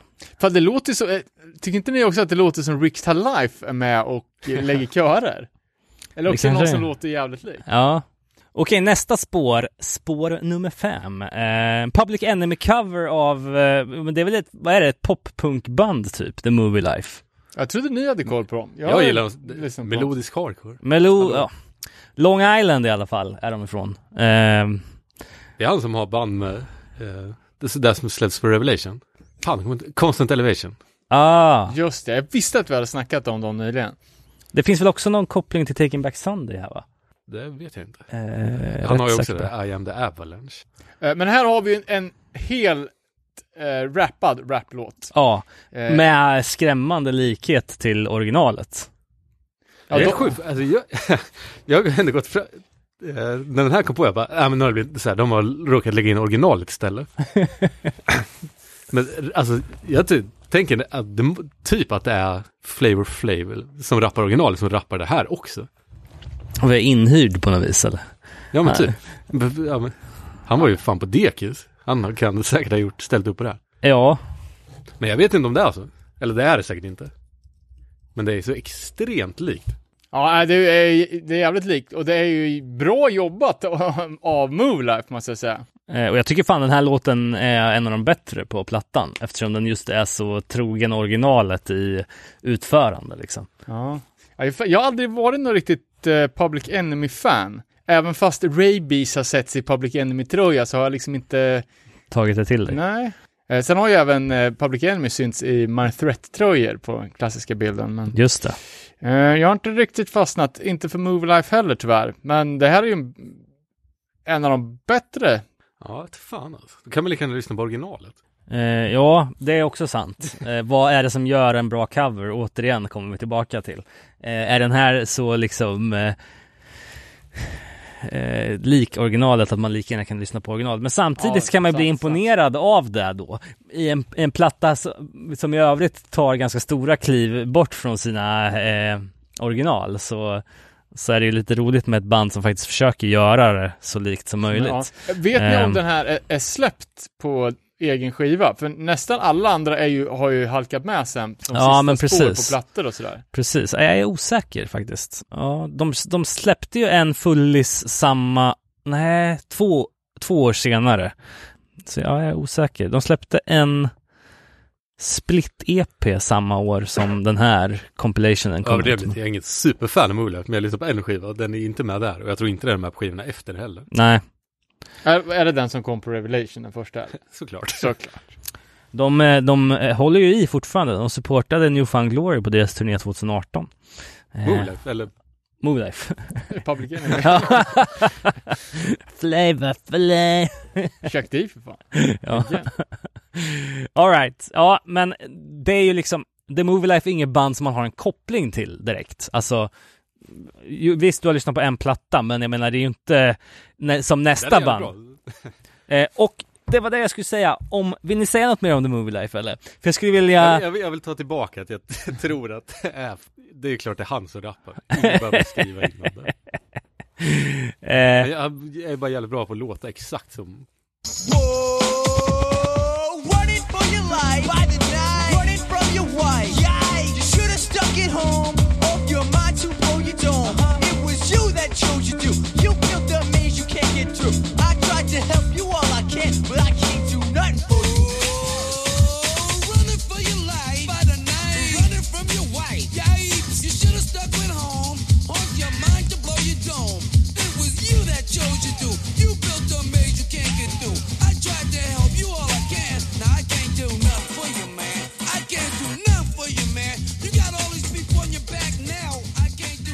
Ja, där fick vi höra lite av, eh, var det Public Enemy eller var det The Movie Life eller var det båda två? Eh, ja, det var ju båda två, men i vilken ordning var det? Det får ni Nobody räkna. knows. Nästa då, spår nummer sex. Ja men eh, det jag har då hört, eh, det här är ju då E-Town Concretes cover av Nases eh, The World Is Yours. Ehm, det jag har hört är att eh, den här E-Town Concrete gjorde i och med den här, alltså covern, att extremt många hardcore kids hittade tillbaka till sina hiphop-rötter. Eh, eftersom den här compilationen var en av de få eh, ja, men hardcore compilation-plattor som fanns tillgängliga i butik på den tiden. Alltså den här liksom trycktes ut som fan på Asså? CD. Och eh, liksom du kunde gå in på Target eller Best Buy eller vad som helst och eh, plocka upp den. Eh, vilket gjorde att eh, ja, massa liksom eh, eh, fans till, av punk och hardcore liksom hittade tillbaka, states. ja, hittade tillbaka Eller till hiphopen liksom. Alternativt hittade. Ja, eh, exakt. Och eh, i bräschen för liksom hiphop-influerad hardcore så har vi väl ändå E-Town liksom. Absolut. Det, Eh. det här känns ju 100% legit. Och det här känns också som att de kanske vill att folk ska börja lyssna på Nas. Alltså så här, och vi älskar Nas och nu kör vi den här liksom. Och eh, alltså 0% ironi, 100% true. Ja, ja, ja. Samtidigt som man är... Alla i Town Concrete har den där The World Is Yours från Scarface. Ja, ja, ja, ja. Posten hem. 100 procent. Men också typ att han- liksom, eh, vad är det, han eh, sångaren är idag typ CEO över Jingle Punk eller något sånt där. Alltså eh, Jingle Punk som väl licensierar ut musik till tv och reklam och sådär. Okej. Liksom. Ehm, Kände inte till. Men, eh. Kommit upp sig. Men eh, i alla fall, det är ju, alltså å ena sidan då, så kan man tycka att, ja men det där är ju svinfett. Eh, å andra sidan, så eh, det finns ju en del saker i den här texten som i dagens kontext är så här, ja men hur fan liksom. Eh, men då, i det, den bubblan som man levde i, diskussionen fanns inte. Eh, de precis som en annan sjöng ju med i diverse tvivelaktiga hiphop-texter liksom. Ja men herregud, alltså Konken, de är ju inte blyga för att använda n-ordet. Absolut inte. Fan vad jag tassar runt där och du bara lay down the law. ja, nej men exakt. Men där på något vis så gör de ju det med 100% hjärta. Eh, och det är väl också det som faller på valet av cover då liksom. De älskar Nas, de älskar hiphop. Det är klart de ska vara med på den här. Men rätta mig om jag har fel, men eh, vad fan, de, de har väl också varit lite eh, liksom lite tough guy Ja, eh, liksom rykte. su super, super. 100%. Det var väl deras grej. Jag har inte lyssnat, alltså lite dåligt eh, E-Town-fan ändå. Eh, de har ju släppt, vad jag räknar till, fyra plattor. Fyra singlar och fyra, eller tre demos. Så Mm. de har ju gjort en jävla massa. Jag lyssnar ganska mycket på väldigt få av deras releaser. Jag tycker, Time to shine. Ja, exakt. ja, helt okej, men det bästa är Fuck the World EPn de gjorde och splitten med Second to None. Det tycker jag är outstanding. För övrigt funderat på att tatuera omslaget från Fuck the World-singeln för jag tycker det är så jävla cool. uh, får se hur det blir med det. Eh, men det här är ju ett band som är alltså, de här gör ju det, jag skulle säga att de här som har mest hantverksskicklighet på låten. Mm. Alltså det här är ju ett, det är ju klassiska E-Town-soundet. Att blanda liksom, ja men så, lugna jazziga partier, liksom så R&B soul-grejer nästan, med cross. På ett jävligt eh, udda sätt, som typ bara E-Town kommer undan med att göra. Jag kan inte tänka mig hur någon annan skulle kunna göra såna grejer. Och för att återkoppla till ett gammalt avsnitt när vi pratade om just E-Town Concrete och New Jersey Bloodline och de här banden från Elizabeth Town för vi hade ju något så bara, konstigt att, att de här det är de enda banden i hardcore som spelar funkbas. alltså det är ju svinkonstigt och de kommer från samma ställe. Men att det då var inspirerat av P-Funk-rörelsen som hade sitt säte i just Elizabethtown. Mhm.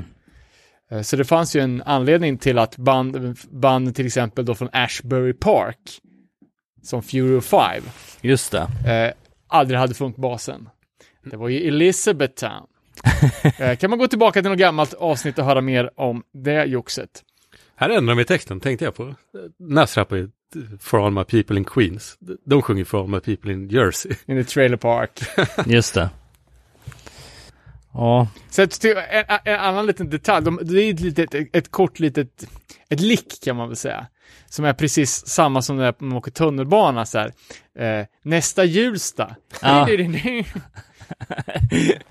så det var, ja precis. Ja, nej men alltså det är ju, eh, alltså jag vet inte hur den står, alltså i jämförelse med originalet så är det ju en, en liksom väl genomförd cover liksom. Och det, man känner ju också attityden liksom i, Att de hade kunnat göra det här utan att ens vara med på den här ja samlingen. exakt, Ja, exakt. lätt, lätt. Det är väldigt likt deras originalsound. Eh, Plus att originallåten är jävligt bra, så det, det blir ju. Jag har Ja, men aldrig precis. fattat Nas alltså. Jag vet ju att många håller det som, som det bästa, men jag har aldrig fattat det alltså. nej men Nas är ju fan, han är ju wildly considered en av Jag har i och för sig bara lyssnat på en skiva, återigen. Men den är jävligt bra. Men jag får för mig att eh, det här inte är första gången som eh, E-Town gör en hiphop-cover. Hade de inte med någonting på Time to Shine reissuen på Resurrection AD? Fan vilka sv- är det, är Det- det hetsjakten nu? Nej, jag har inte en aning alltså. Men du ska veta sånt här. Alltså, ja, alltså jag är ju, alltså fråga mig om Fury 5, fråga mig om, om Jersey Bloodline, men jag är, jag är rutten på E-Town alltså. Ja, ja, ja. Var det de som beefade med Rage Against the Machine? Eller? För att de inte var Downset. äkta. Just det, sorry. Yes! Eh, ska vi hoppa på nästa då? Ice-T-covern. New, New Jack Hustler eh, av Clocked In. Aldrig hört talas om faktiskt. Nej, det bandet har jag noll koll på alltså. Eh, Tagit sin, sitt bandnamn från en Black Flag-låt, kanske. Men det är väl också säkert något eh, västkustband. Eh, men på Discogs eh, så säger de att de har släppt en fullängdare på Radical just året efter 2002. Ja, okej. Eh, och de släppte en self-released eh, skiva 98. Eh, Inkuppade av, vad hette skivbolaget nu? Radical ja, Radical. exakt. Jag tycker att de, har inget, att skämmas för. Det här gör de, gör de ju riktigt bra. Ja, Eh, och även om jag inte har lyssnat på originalet, eller originalet, om jag inte har lyssnat på Clocked In så har jag lyssnat jävligt mycket på, på Ice-T original. Eh, faktiskt, det tror jag är första hiphop-artist som jag bara, bara lyssnar på. Eh, och där kommer vi tillbaka Vilken Ice-T-skiva är det här på? eh, från OG, Original Gangster. eh, och det var när, när jag jobbade på, på Burning Heart, att de, slutet på, på 90-talet, där, 99 kanske. Och Burning Heart skulle signa Loop, Loop Troop. Och det var väl typ ingen av oss på kontoret som lyssnade på hiphop överhuvudtaget. Alla tyckte att det var jävligt konstigt. Jag tyckte att det var extra konstigt, för jag hade blandat ihop dem med det här överklass eh, technobandet Antiloop som var stora då. jag fattar ingenting. Och så hade vi haft någon lyssning på vad här blir nya Burning Heart-släppet och folk var som sagt minst sagt skeptiska. Eh, men då vart jag eh, eh, typ så här eh, krustlegenden Jallo kommer fram till mig efteråt och bara "Ah, Hiphop, ska du lyssna på hiphop så ska du lyssna på den här. Och så gav han mig eh, Ice-T's eh, platta Home Invasion. Lyssna på den här, det här är de riktiga grejerna. Och så fan, få... Är det där intro som är If you're offended by the Ja, words? ja exakt. ja, Eh, och jag tänker, vad fan, om eh, Mr Punk himself ger, ger en, en eh, skiva och säger att det är bra, då måste man ju liksom Ja. digga det.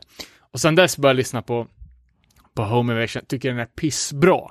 Eh, och köpte ju också den här Original Gangster-skivan som kom efter och lyssnade mycket på, på Ice-T. Jag tycker han är... Ja, men alltså hans texter är ju så jävla råa. Ja, Alltså det är ju så- fan det hårdaste man någonsin har hört alltså. Ja, och det är, alltså, Fortfarande. Ja, Det är mycket, mycket radioteater och kanske, han kanske inte har mördat så många personer som han säger i texterna. Automatic Uzi, motherfucking bloodbath alltså. Eh, och ja, ord som pajigt som vi slänger till höger och vänster. Alltså, man, man kan inte ta ifrån Ice-T att han är en jävligt smart och en jävligt viktig person. För alltså under de här åren när de, de här OG och eh, de plattorna kom eh, så var det ju liksom, eh, det var ju en hetsjakt på hiphopartister Ja, ja, ja. när det började, att de vita förortskids började intressera sig för hiphop. Då flyttade liksom hela jävla moralpaniksamhället från satansdyrkande heavy metal-fans till då att alla barn skulle bli Kriminella. alla, alla, alla vita barn skulle bli Einar. Mm. Too soon. och, och, I men, och att det var, det vart ju så, alltså, sån jävla smutskastning, de vart ju portade, du vet, parental advisor stämplade, man fick inte sälja skivorna, fick inte ha spelningar, snuten var, stängde ner Ice-T's spelningar på löpande band. Men han har ju alltid varit en opinionsbildare och även om han kanske inte har gjort det på det snyggaste sättet så har han ju alltid talat för liksom freedom of speech. Eh, Plus det allt det han har gjort liksom för att förena rock med, med rap. Ja, men Han är ju precis. typ en av de få som, som har, har visat kärlek för båda. Och gjort båda genrerna så jävla bra också. Eh, men också att eh, så här, eh, jag, jag tyckte, jag brukar tänka så här att lika hårt som man tycker att Obituary är musikaliskt, lika hårt är ju Ice-T i eh, vokaliskt. Alltså, förstår du vad jag menar? Ja, ja, ja. Eh, och, eh, men det som är så sjukt är ju att, alltså likt, lika hårda hans texter är, eh, lika liksom fyllda med mening är de, förstår jag menar? Att även den här låten då som är, man liksom kan lyssna och bara yeah, nu jävlar liksom, fan vad jag blir taggad på den här låten. Men det är ju ändå, om man läser texten så finns det ju en djupare mening med, med den också liksom. När fan är Buddy Count ifrån? Det är 90 LA va, eller? över år. Jaha, Åh, typ 92 kanske? ja det är någonstans där. Så typ i, alltså typ i samma, Samma veva. veva. Jag tror att den här kom 90, l- originallåten. Uh, nej, men, bra, bra cover, inget att skämmas för och jag tycker att de kan rappa utan att det låter styltigt. Nej, precis. Men eh, fullängdaren verkar ju inte ha gått något vidare för med tanke på att bandet helt gick upp i rök efter det. Eh, klockt in alltså. Eh, sen eh, nästa spår, det är lite samma sak där. F.O. The Smack Magnet. Det låter ju som ett på, hittepåband. Det måste, ja, jag vet inte, är det inte det då? är det det? Nej, för det låter som ett, det är ju en spex, original, originalet är ju en spexlåt och det här låter som klockrent spexband. Jag kollar på deras platta med en, bara en limpskiva på. Jag tänkte att det var, vad fan heter de som har? Så sjunger de pålägg på en macka typ. Razzle Dazzle. Ja, exakt. Nej. Nähä. Pizza slice eh, forkyssel. Påläggsbandet. Det, ah, vad fan tänker jag på? Det, det heter typ också någonting Bologna. Ja men det är ju de här! Ja, Det- exakt. Nej men alltså, vadå F.O. The Smack Magnet har ju, deras platta heter ju Bologna Sandwich. Ja, men det är också en låt med... Åh, okej. Really Club. Jag förstår. Ja men alltså, Jag trodde det fan- fanns ett temaband som bara sjöng om olika smörgåspålägg. Det borde det göra. men alltså det här är helt fantastiskt omslag. Och också öppningsspåret Let's Eat. Det är ju Billy Club som har gjort det. Är, är, det, är det här Billy Club i en annan eh, liksom? de känner att oh, det här kommer inte flyga. Nej. Men det, då är det också ambitiöst och även släppa en fullängdare under falskt namn. Hold the Bologna. Men äh, alltså, Bill Club Sandwich är ju ett fenomenalt band. Jag tycker ja, att äh, on your feet för fan. eh, FO, The Smack Magnet, skulle kunna vara ett, jag har aldrig hört det, men det skulle kunna vara ett bra band. För att, alltså, det finns många bra in- ingredienser i den här låten. Det är bra, alltså, alltså, bra ljud. Alltså, mixen i eh, hur mycket de olika instrumenten låter, låter lovande. Det är snärtiga trummor, bra upptempo. Det låter, jag tycker det låter som att det skulle kunna vara ett coolt band. Eh, om man inte ser det här smörgåsomslaget, men Ja, jag måste ju ändå, alltså ja förlåt, men jag tycker ändå att det är för jävla kul att, eh, att det ändå är det på omslaget. en, ja, en torr limpa. Ja, det ser ju fan ut som en, ja, nej förlåt. Men jag vet inte, originalet, det hade man ju inte hört heller. Eller jag hade inte gjort det. Nej, alltså det här verkar ju vara någon, någon spexla, alltså artisten är, det är Digital Underground. Eh, och låten heter ju The Hump The Dance. Mm. Och här introducerar ju de, liksom, den fiktiva karaktären Humpty. Humpty Hump. Det är liksom, han tar på, sången, eller MC'n tar på sig en lösnäsa. Ser väldigt mycket ut som en judekarikatyr Ja, med eller utan avsikt. Och så går han upp som MC'n Humpty Hump och sjunger sin egen partylåt, Do the Humpty Dance. Och liksom han sjunger I like my oatmeal lumpy, I'm humpy. Men det är ganska skum, men ganska bra låt ändå tycker jag. Men också sinnessjuk låt. Eller lång låt. ja, Eh, och för all, alla, alla som, som kan hi- hiphop vet ju säkert vad liksom bakgrund och innebörd. Och jag, jag har inte en susning, men jag, jag tycker ändå att både original och cover är ganska nice faktiskt. ja.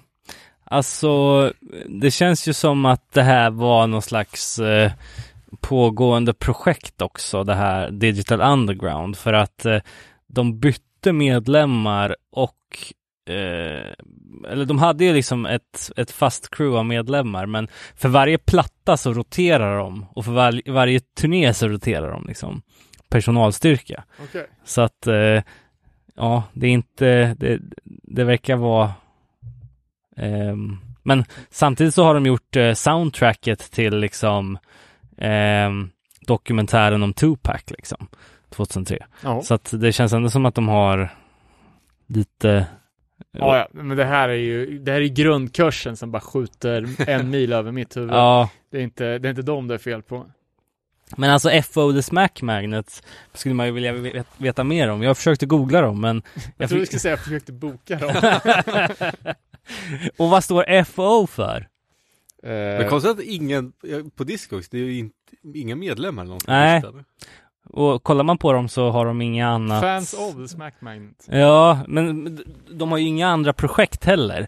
Så att, eh, Vi får gräva, vi får gräva i... ja, vet ni någonting om FO The Smack Jag vet inte, här står ju vilka medlemmar nu. Jo, jo, men de, de leder ingenstans på Discogs, det är det. Eh, ja, ska vi gå på nästa spår av eh, våran favorit eh, Scarhead och Lords of Brooklyn eh, gör PSK What Does It Mean Sk- vad heter man, säger man Schooly D eller Ja. eh, cover Ehm, och eh, Ja, det var Lords of Brooklyn också. Jag trodde det var Scarhead enbart. ja nej även om jag tycker att eh, eh, man hör ju liksom Lord Ezek eh, eh, vara lika otajt som han är i sina egna hiphop-projekt även i den här Och låten. med exakt samma jävla röstfilter. Precis. Eh, Alternativt rappa genom en megafon. ja, exakt. Jag kan, kan jag dra bara sn- snabba backstoryn på Scarhead då? Eh, frontat av mannen som vi har pratat om i 154 avsnitt. Dan Singer, eller hans graffitinamn, Lord Isaac. Eller hans hiphopnamn då, Danny Diablo. Eh, från Jackson Heights, Queens. Eh, jude som han pratar väldigt mycket om sin, sin bakgrund. Eh, Och han kom ju upp i liksom i en, ja, eller tredje generationens New Hardcore som ett yngre kid i scenen som redan från början hade ett rykte om sig att vara badass. Han säger ju i den här fantastiska New Hardcore-dokumentären, han berättar om att han har blivit eh, huggen med en skruvmejsel i levern. Och intervjuaren frågar bara, ah, what happened? Beat the shit out of him, that's what happened. Eh, Och slog ju igenom då med bandet Crown of Thorns. Så släppte eh, en klassisk tolva, Train Yard Blues. Eh, som, ja men, liksom konceptmässigt förenade liksom graffiti och skinhead-kulturen på klassisk new hardcore-manér. Klassisk skiva. Jag tycker omslaget är så jävla snyggt. Ja, alltså. super, super, super cleant. Eh, och eh, Isaac var ju liksom en, eh, en erkänd eh, liksom, graffare i graffscenen och inte bara ett, ett kid liksom. Men det som var konstigt och det som vi pratade om i avsnitt nummer ett av Nere på Noll var ju eh, sångstilen som Crown of Thorns, eller som, som, som Lord Isaac har i, på den här Crown of Thorns 12 alltså, alltså det är det konstigaste man har hört. Han sjunger liksom ur en megafon, vi pratade ju om hur, hur vidare skulle, att det var någon sorts, liksom, fan vad ska vi lägga på för jävla filter för att mörka det här? Mm. Det känns det lite som att det är någon mörkning för att det inte låter bra. Ja, ja, det var ju vad vi tänkte då i alla fall. Eh, och liksom hur vi chockerades över att det splitternya bandet Turnstyle på sin första sjua var inspirerad av Lord Isaacs jättekonstiga sångstil. Eh, så det är liksom full circle. Eh, bandet Scarhead då, som var nästan en direkt fortsättning på Crown Thorns, eh, de släppte ju även en eh, inte så kritikerrosad uppföljare, Mentally Wexed, några år senare. Sen så fortsatte ju tre av fem medlemmar i Crown Thorns tillsammans med Hoja från Madball och en snubbe som heter Nicky X. Eh, gjorde en tia, eller en mini-CD, som jag tror flög lite under radarn. Mhm. Eh, jag hade inte en aning om den då i alla fall.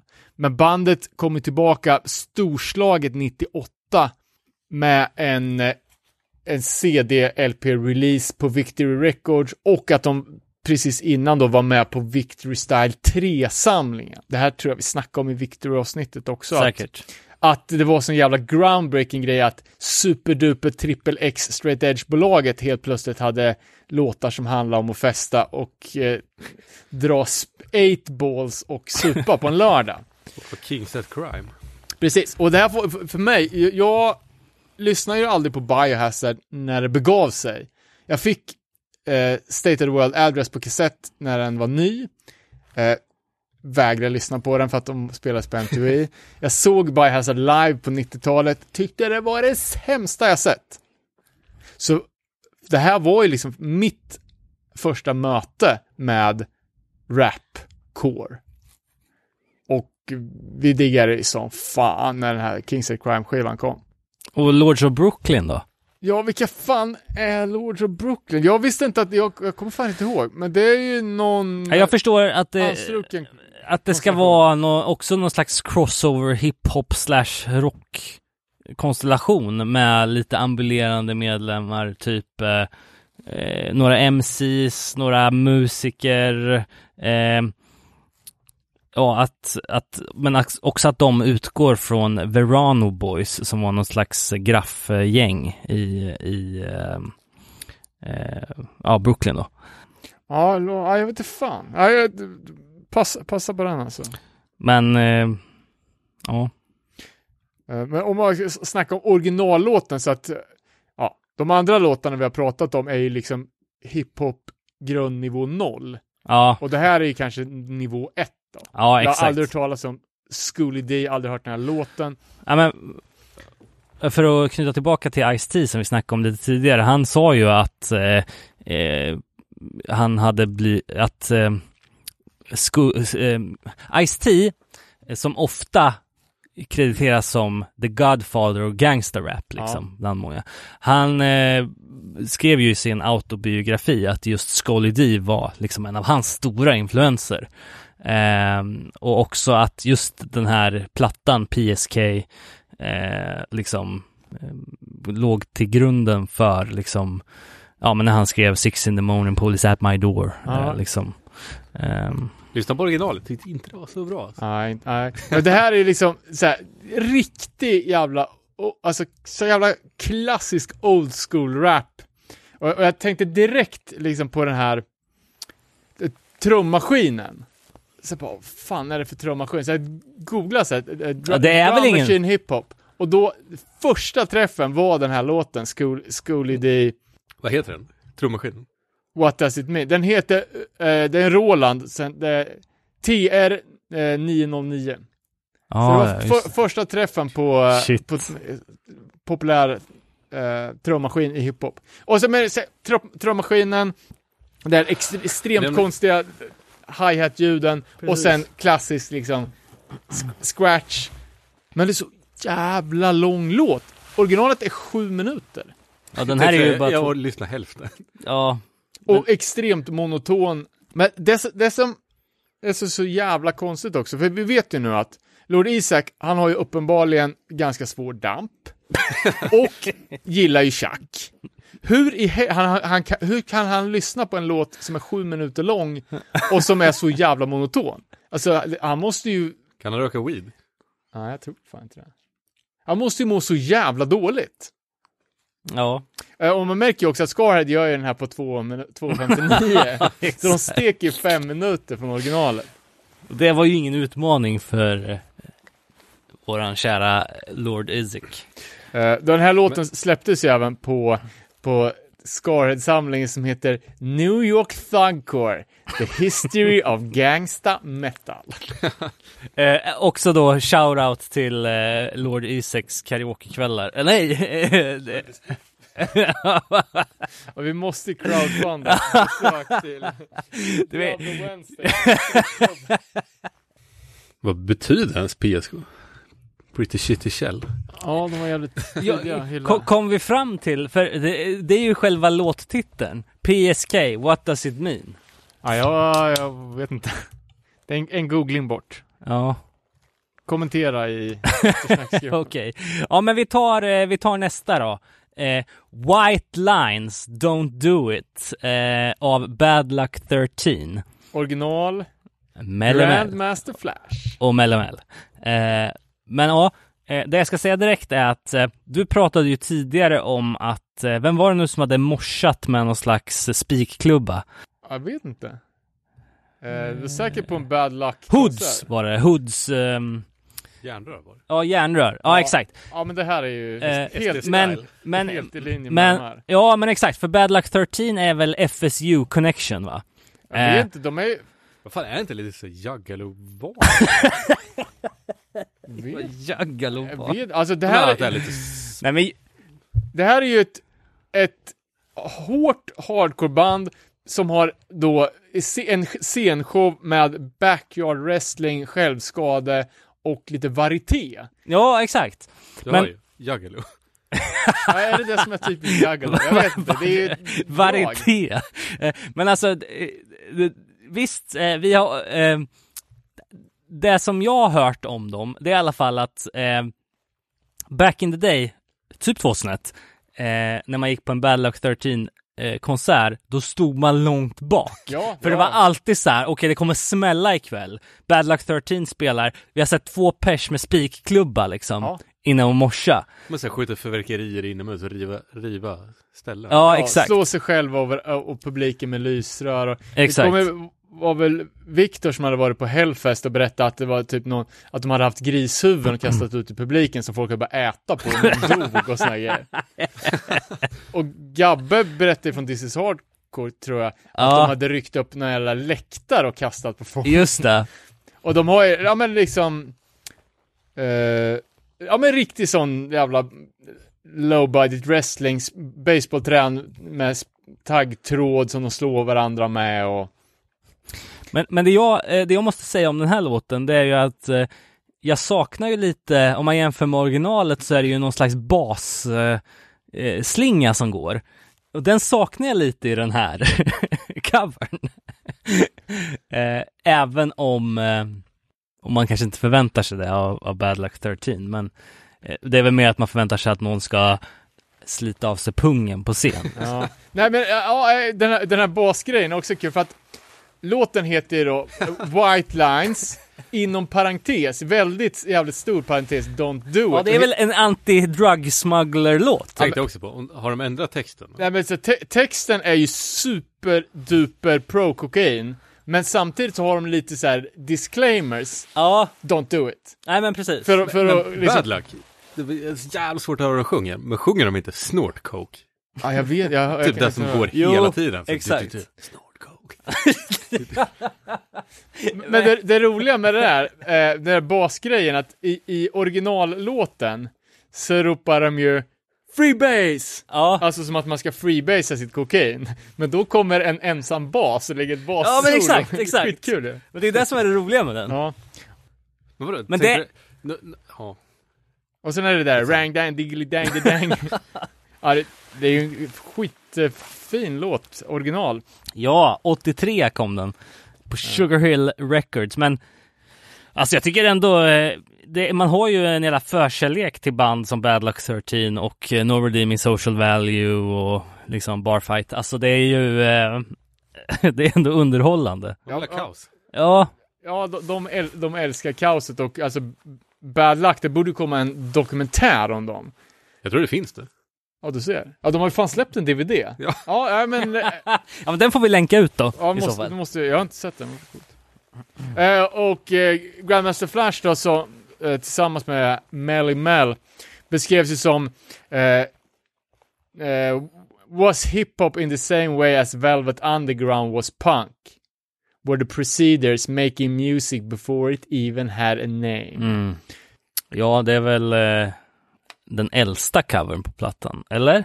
Vi, vet ej, men Grandmaster Flash är ju riktigt gammal i gamet från alltså de här block parties in the Bronx. Ja, exakt. När allting liksom tog sin början.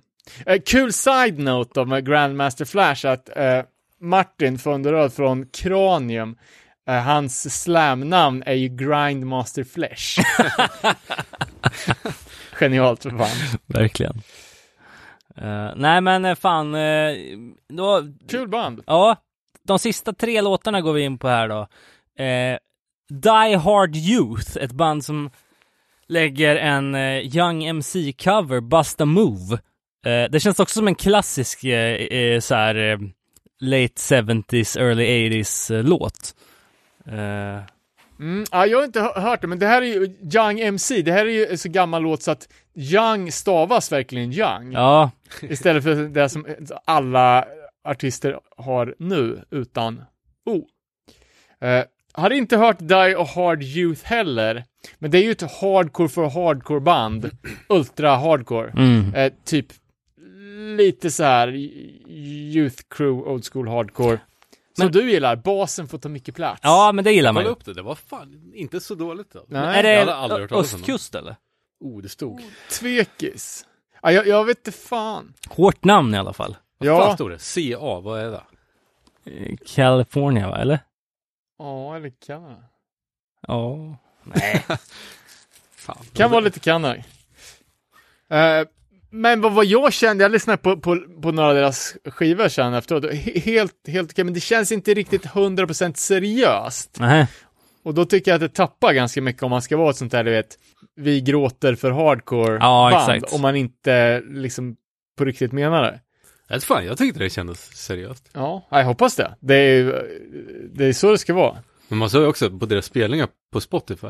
Den här covern hade ju hundra gånger så mycket spelningar som någon annan låt. Ja, ja Mm. lite. De andra hade ju 2000 typ. Just det. Eh, De verkar vara jävligt produktiva. De hade åtta släpp på tre år, kolla på Discogs. Åh jävlar. Hade de inte splittat med några band? Ja, ja, det var nog ganska många splittar också. Väldigt unity att hålla på med splittar. Det är ju det. Man kanske man får, får snoka lite vidare i. Ja. Eh, det känns som att jag har talat sönder min röst här nu. Ju längre ner på den här listan vi Det låter kommer. som Isaac snart. Ja, exakt. Ehm, men vad fan, vi, vi kan väl eh, egentligen, det är ju bara en officiell låt kvar på den här plattan. Eh, men det är, de har ju en secret track eh, som är den här NWA-covern där från eh, det här jävla Ah, okay, Random det bandet. Kul. Ja, men vi tar Fresh då från No Redeeming. No Redeeming. Fresh 3MCs. Och vad är det för gäng alltså? Ja, jag vet inte. Jag låt länka upp till er fel Ja. Fresh-låt. Jag skickar på er en med Cool and the Gang. Eh, Men nu såg jag att det var ett, ett annat projekt och det är några rackare som, de har bara släppt typ två singlar. Eh, lustigt nog har de släppt de här två 12-singlarna på Profile Records. Jaha. Eh, som förutom att vara ett av de första hiphop-bolagen även släppt några hardcore-klassiker, nämligen Chromax. Hetsjakt, Hex, Hetsjakt, mer? Jag är den som håller i det här, så jag, jag tänker inte svara. Jag kan gissa. Murphys Law, Leeway och eh, Discharge, skämsplatta, Grave New World. Ja. Bland annat, lite Motörhead skit också. Ja men det är väl inte, och det är väl fan rakt in i vad man förväntar sig av liksom D-Thrilla och K9 The Sonic Maximizer att eh, vara med på den här eh, compilation-plattan. Eh, för eh, redan där så hör man ju att det finns eh, lite hiphop eh, connection i eh, NRSV. Jaha, ja, det var deras hiphop-namn alltså. Ja, exakt. Dino Mike D. Eh, ja, men alltså jag gillar ju No Redeeming Social Value och mycket har det väl att göra med att, att de också var med i den här New Ja. Hardcore-dokumentären som kom. Och på, ehm, på soundtracket till Backyard Wrestling 2.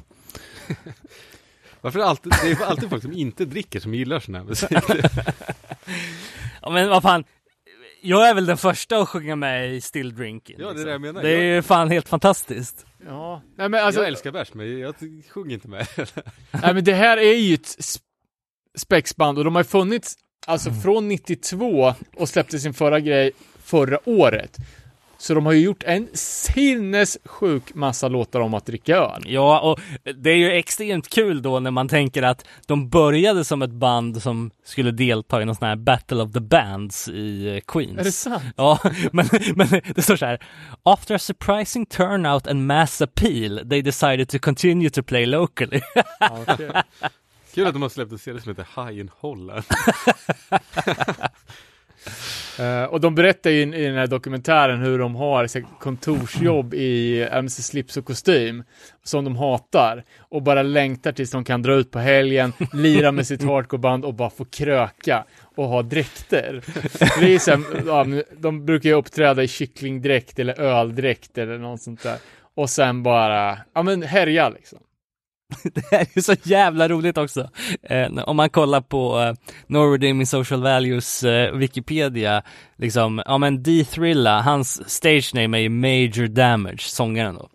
K9 The Sonic Maximizer har ju sitt stage name K-Love då, på gitarr. John Franco spelar bas. Glenn Loreo, stage name Seaweed, eh, på trummor. Och Dick van Bulett, eh, stage name Old English Bottle. och sen så, så former, former members då i bandet. Mike Dixon, second vocals and spiritual avi- advisor. Eh, Vinnie Value, percussion. Scott Cumbo, bass. Pete The Meat, LaRusha på drums. Och sen då, Big Bud, Blunt Tech. Ja men det är väl helt i linje försökte Rapface vara ett finskt? No Redeeming, ja det är klart. Kanske. Eh, och vi sa att eh, originallåten släpp, var släppt på Profile Records som sen även gav ut Murphys Law. Så är No Redeeming Social Value en typ direkt arvtagare till, till Murphys Law. För det är precis samma koncept att göra partymusik om att dricka bärs och eh, röka gräs. Såklart. Eh, som jag faktiskt också tycker är jävligt bra, trots att det är men, lite för spexigt egentligen. Och sen, jag har inte tänkt på det här, men det kanske är det här som är kopplingen på den här skivan till FO The Smack Magnet, att eh, No Redeeming har väl medlemmar från Billy Club Sandwich? Tvekis. Eller? De är ju 100% kompisar, men jag vet inte fan. Alltså, det, Billy Club vet jag inte hur mycket olika medlemmar de haft, men No Redeeming, som sagt, har spelat i 28 år. De har ju garanterat haft 40 olika medlemmar. Ja. Still Drinking 2007 LP. Ja. Bra grejer. High in Holland hade roliga låttitlar. Jag ska fan lyssna. Your boyfriend is a Guido. alltså han är från New Jersey typ. Beer lika med fun. Drinking is not a game. Drunk at the Youth of Today reunion. Ja, exakt. Det är Slumlords för fan. Man, man kan inte neka en bra cover. Nej, verkligen. Eh, ja, nej men, och sen då, eh, hemliga låten då, NWA's Automobile. Det var så jävla kul. Jag, jag, Vilka jag, gjorde den? Jag kom fan inte så långt. jag lyssnade på den här skivan igår. Eh, sen gick jag upp eh, och eh, hämtade en bok, jävligt läskig bok. La mig i soffan och läste. Hade glömt att, att skivan bara hade tystnat och inte stängts av. Låg ensam i källaren, mörkt, läste den där jävla boken och sen efter 15 minuter så kommer det ett jävla vrål. Rycker till i soffan då kommer det hemliga spåret på. Ja, precis. Det, det är något jävla band från, från Portland som heter Our Time Down Here som, som gör den här covern. Okej, Men, jag trodde det var No Redeeming som fortsatte tramsa. ja, det kanske det är, jag vet inte. Okej. Men eh, det står på Wikipedia i alla fall att det är All right. ja Our men då är det Time så. Down Ja, Here, men, eh, vem vet? Bra eller? Varför vart det ett gömt spår? Ja, jag vet inte. populärt på den tiden. Ja, Den nya Men tänkte, tekniken. är det något extra spex eller? nej, men alltså, eller jag vet inte hur den står sig mot originalet. Jag har inte lyssnat. Nej. Officiellt då så är det ju fresh från, alltså No Redeeming covern 1527. Men det är ju i alla fall 10 minuters tystnad innan den kommer igång. Kommer du ihåg när det fanns gömda spår man var tvungen att gå till låt ett och spola Bakåt. Ja, Så jävla avancerat. verkligen. Nej men alltså, om man ska sammanfatta eh, liksom hela den här diskografin, eller vad säger jag, hela den här compilationen, eh, så får man ju ändå säga att det är förvånande. inte det ett bra ord? Eh, för att eh, dels, hur fan fick man med sig alla de här banden? Eh, det var en skitbra idé. Vad Ja, men övergripande så är det ju det är liksom någonting som jag aldrig kommer lyssna på igen. Och eh, det är väl inga av de här banden som fortfarande lirar de här live, om de ens håller på längre. Nej. Men jag- Det i- och för sig-. Jag har ju hört eh, att folk stod, stod och skrek efter Baby Got Back på Throwdown-spelningar och sådär. Säkert, säkert. Nej men jag, jag bara, det jag har tagit från det här är att lyssna mycket på originallåtarna. Eh, många är ju riktigt jävla bra, rätt pepp på, på att ta det vidare. Sen damma av band, jag har inte lyssnat på varken Stretch On Strong, Throwdown Hoods på sen 2000 typ. Och bara damma av deras kataloger igen. Band som man inte har tänkt på på 20 år. Nej, precis. Eh, och fått upp ögonen då för Movie Life och eh, Die Hard Youth faktiskt. Och eh, FO The Smack Magnet. eh, så jag tycker att det var, alltså, udda idé, men eh, fan berikande ändå. Ja. jag. Ja men vad kul. Eh, ja, det är ju, ibland måste man ju få lyfta de här udda släppen liksom. Ja, fan. ja, 100%. Ja, svinkul. Men, ja men vad kul! Eh, då eh, ska väl vi inte bli alldeles för långvariga, eller? Kan jag slänga in en liten? Eh, vi håller på att preppar inför en Integrity special där vi via Niklas Holm, Integrity-koncern nummer ett här i världen, kommer skicka frågor direkt till Dwid himself som vi ska ta upp i, i podden. Vi fick ju erbjudandet om att intervjua Dwid, vilket vi inte vågar. eh, vi intervjuar ju bara fans till musik, inte artisterna själva.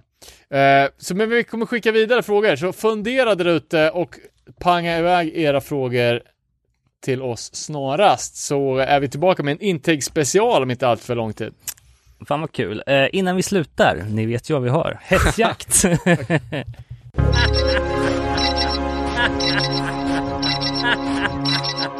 Knäpper upp skjortan här ja, eh, idag ska vi prata om en skiva av ett band som blev droppade från Victory 96 efter att de hade brawlat på en hardcore-spelning i Cleveland.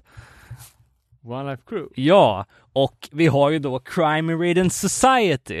Eh, det är alltså nio spår och ni har 90 sekunder på er. Vi kör nu. Murderious Stomp. Japp, Pure Disgust. japp. Eh, straight Edge. ja, rätt. Violent Few. Ja, stämmer. Jag blankar. Vad heter skivan? Crime Ridden Society. Rätt.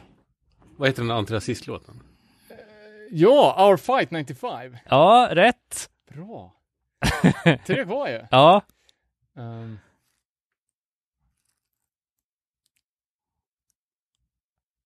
Åh, för fan. In the Crosshairs. Nej. Nej, på den andra skivan. Vad fan, den här David Duke-låten, är det vilken skiva är den på? Den? Tre kvar, 30 sekunder kvar. 30 sekunder, shit.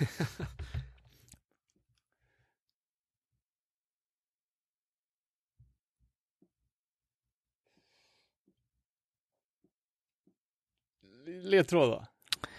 Eh, ja, Our Scene Någonting med Your fight. fear? ja. Nu är det fan bara fem sekunder kvar. Två låtar. Ja, jag, må, jag måste ha en liten trigger alltså. Ja, nej men fan det var ändå jävligt bra jobbat. Ni tog Och vi ju... tar ju avstånd då såklart. Ja, ja såklart. Något annat jag vill inte prata om. Eller? Ehm, Vadå, äger du inte den skivan? Multiple copies. Men jag tycker de är jävligt onajsa sen de fick eh, Instagram alltså. Det kan, det kan man inte sticka under stolen med. nej, verkligen. Eh, när Eh, man trodde att det var 100% ploj så var det lite bättre än att se hur jävla dumma huvudet de är på riktigt. spår 5, Real Domain och spår 8, Riots var de som... Hade jag nog fan inte tagit alltså. Men Our Senior Fear var ju... Halv poäng. Men det är Ja, kul! hälsjakt till dig här Robin. Ja, Nästa gång. ja, ja men lätt. Eh, nej men eh, fan det är ju alltid kul att eh, lyfta upp de här klassiska plattorna. Då får man ändå säga hur jävla dumma i huvudet än upphovsmännen nu är. Eh, Hardcore history. yes. Victor's biggest mistake. Eh, men vad fan, vi säger väl så då och sen så snart är vi tillbaka med en Integ special. Vi är tillbaka med en Asien special. Eh, vi kanske är tillbaka med en eh, Ja, liten... det är mycket grejer i pipen känns det som. Ja, vi ska inte säga för mycket. Men vi tackar som fan för att ni lyssnar och ni vet ju var ni hittar oss för det här laget. Men eh, ni hittar oss på att nere på noll på Instagram, nere på noll podcast på Facebook, nere på noll eftersnack, eftersnacksgruppen. och eh, om ni vill så kan ni mejla oss på nerepanoll.gmail.com så Så lovar jag jag att tre månader. Ja, jag ska försöka svara lite, lite mer nu. Jag ska se till att jag svarar på det ikväll. Ja, bra. Puss. Hej. Tusen tack, ni är bäst. Hej.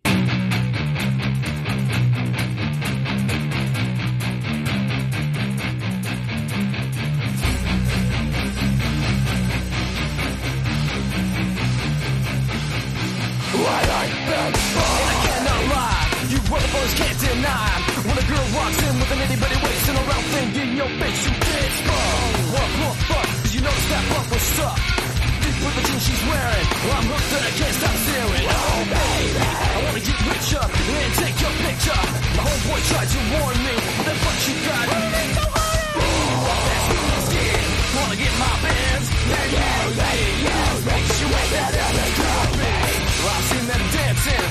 Hell with romance and she's wet, wet.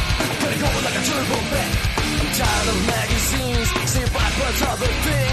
To the average black man asking that. She got a pack bus back. Oh, fellas, yeah, fellas. yeah. Your girlfriend got the butt.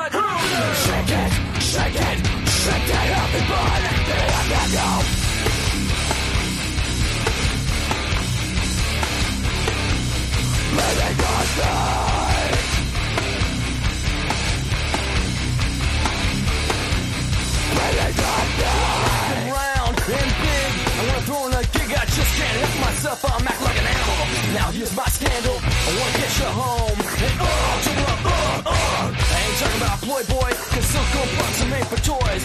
I want 'em real thick and juicy. So find that juicy double. Heavy case and shovel. Baby boy, fix that bubble. So I'm looking at rock videos. Watching these bimbos walk like hoes. You can have them bimbos. I'll keep my women like Bojo. I work to the big soul sisters. I wanna get richer. I won't cuss or hit ya. But I gotta be strict when I say I wanna. Oh, of dawn. Pimps won't this song. Some folks gonna hit it and quit it. I'd rather stay and play. Cause I'm long and I'm strong. And I'm down get the friction on. So ladies, ladies, wanna roll my Mercedes? Then turn around, stay it out. Even when I got the shout. Baby, I'm back now.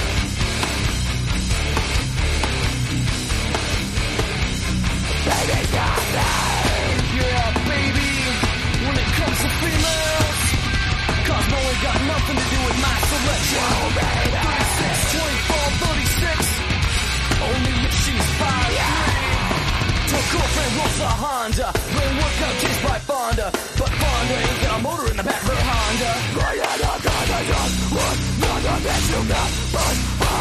You do side bends those steps, but please don't lose that butt.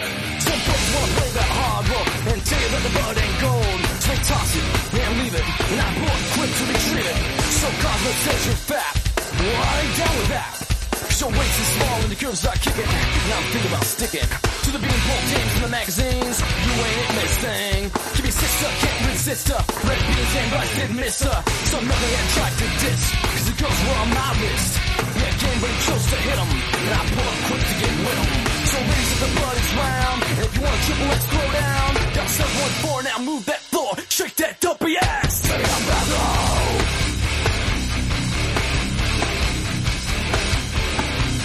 Baby, God, God.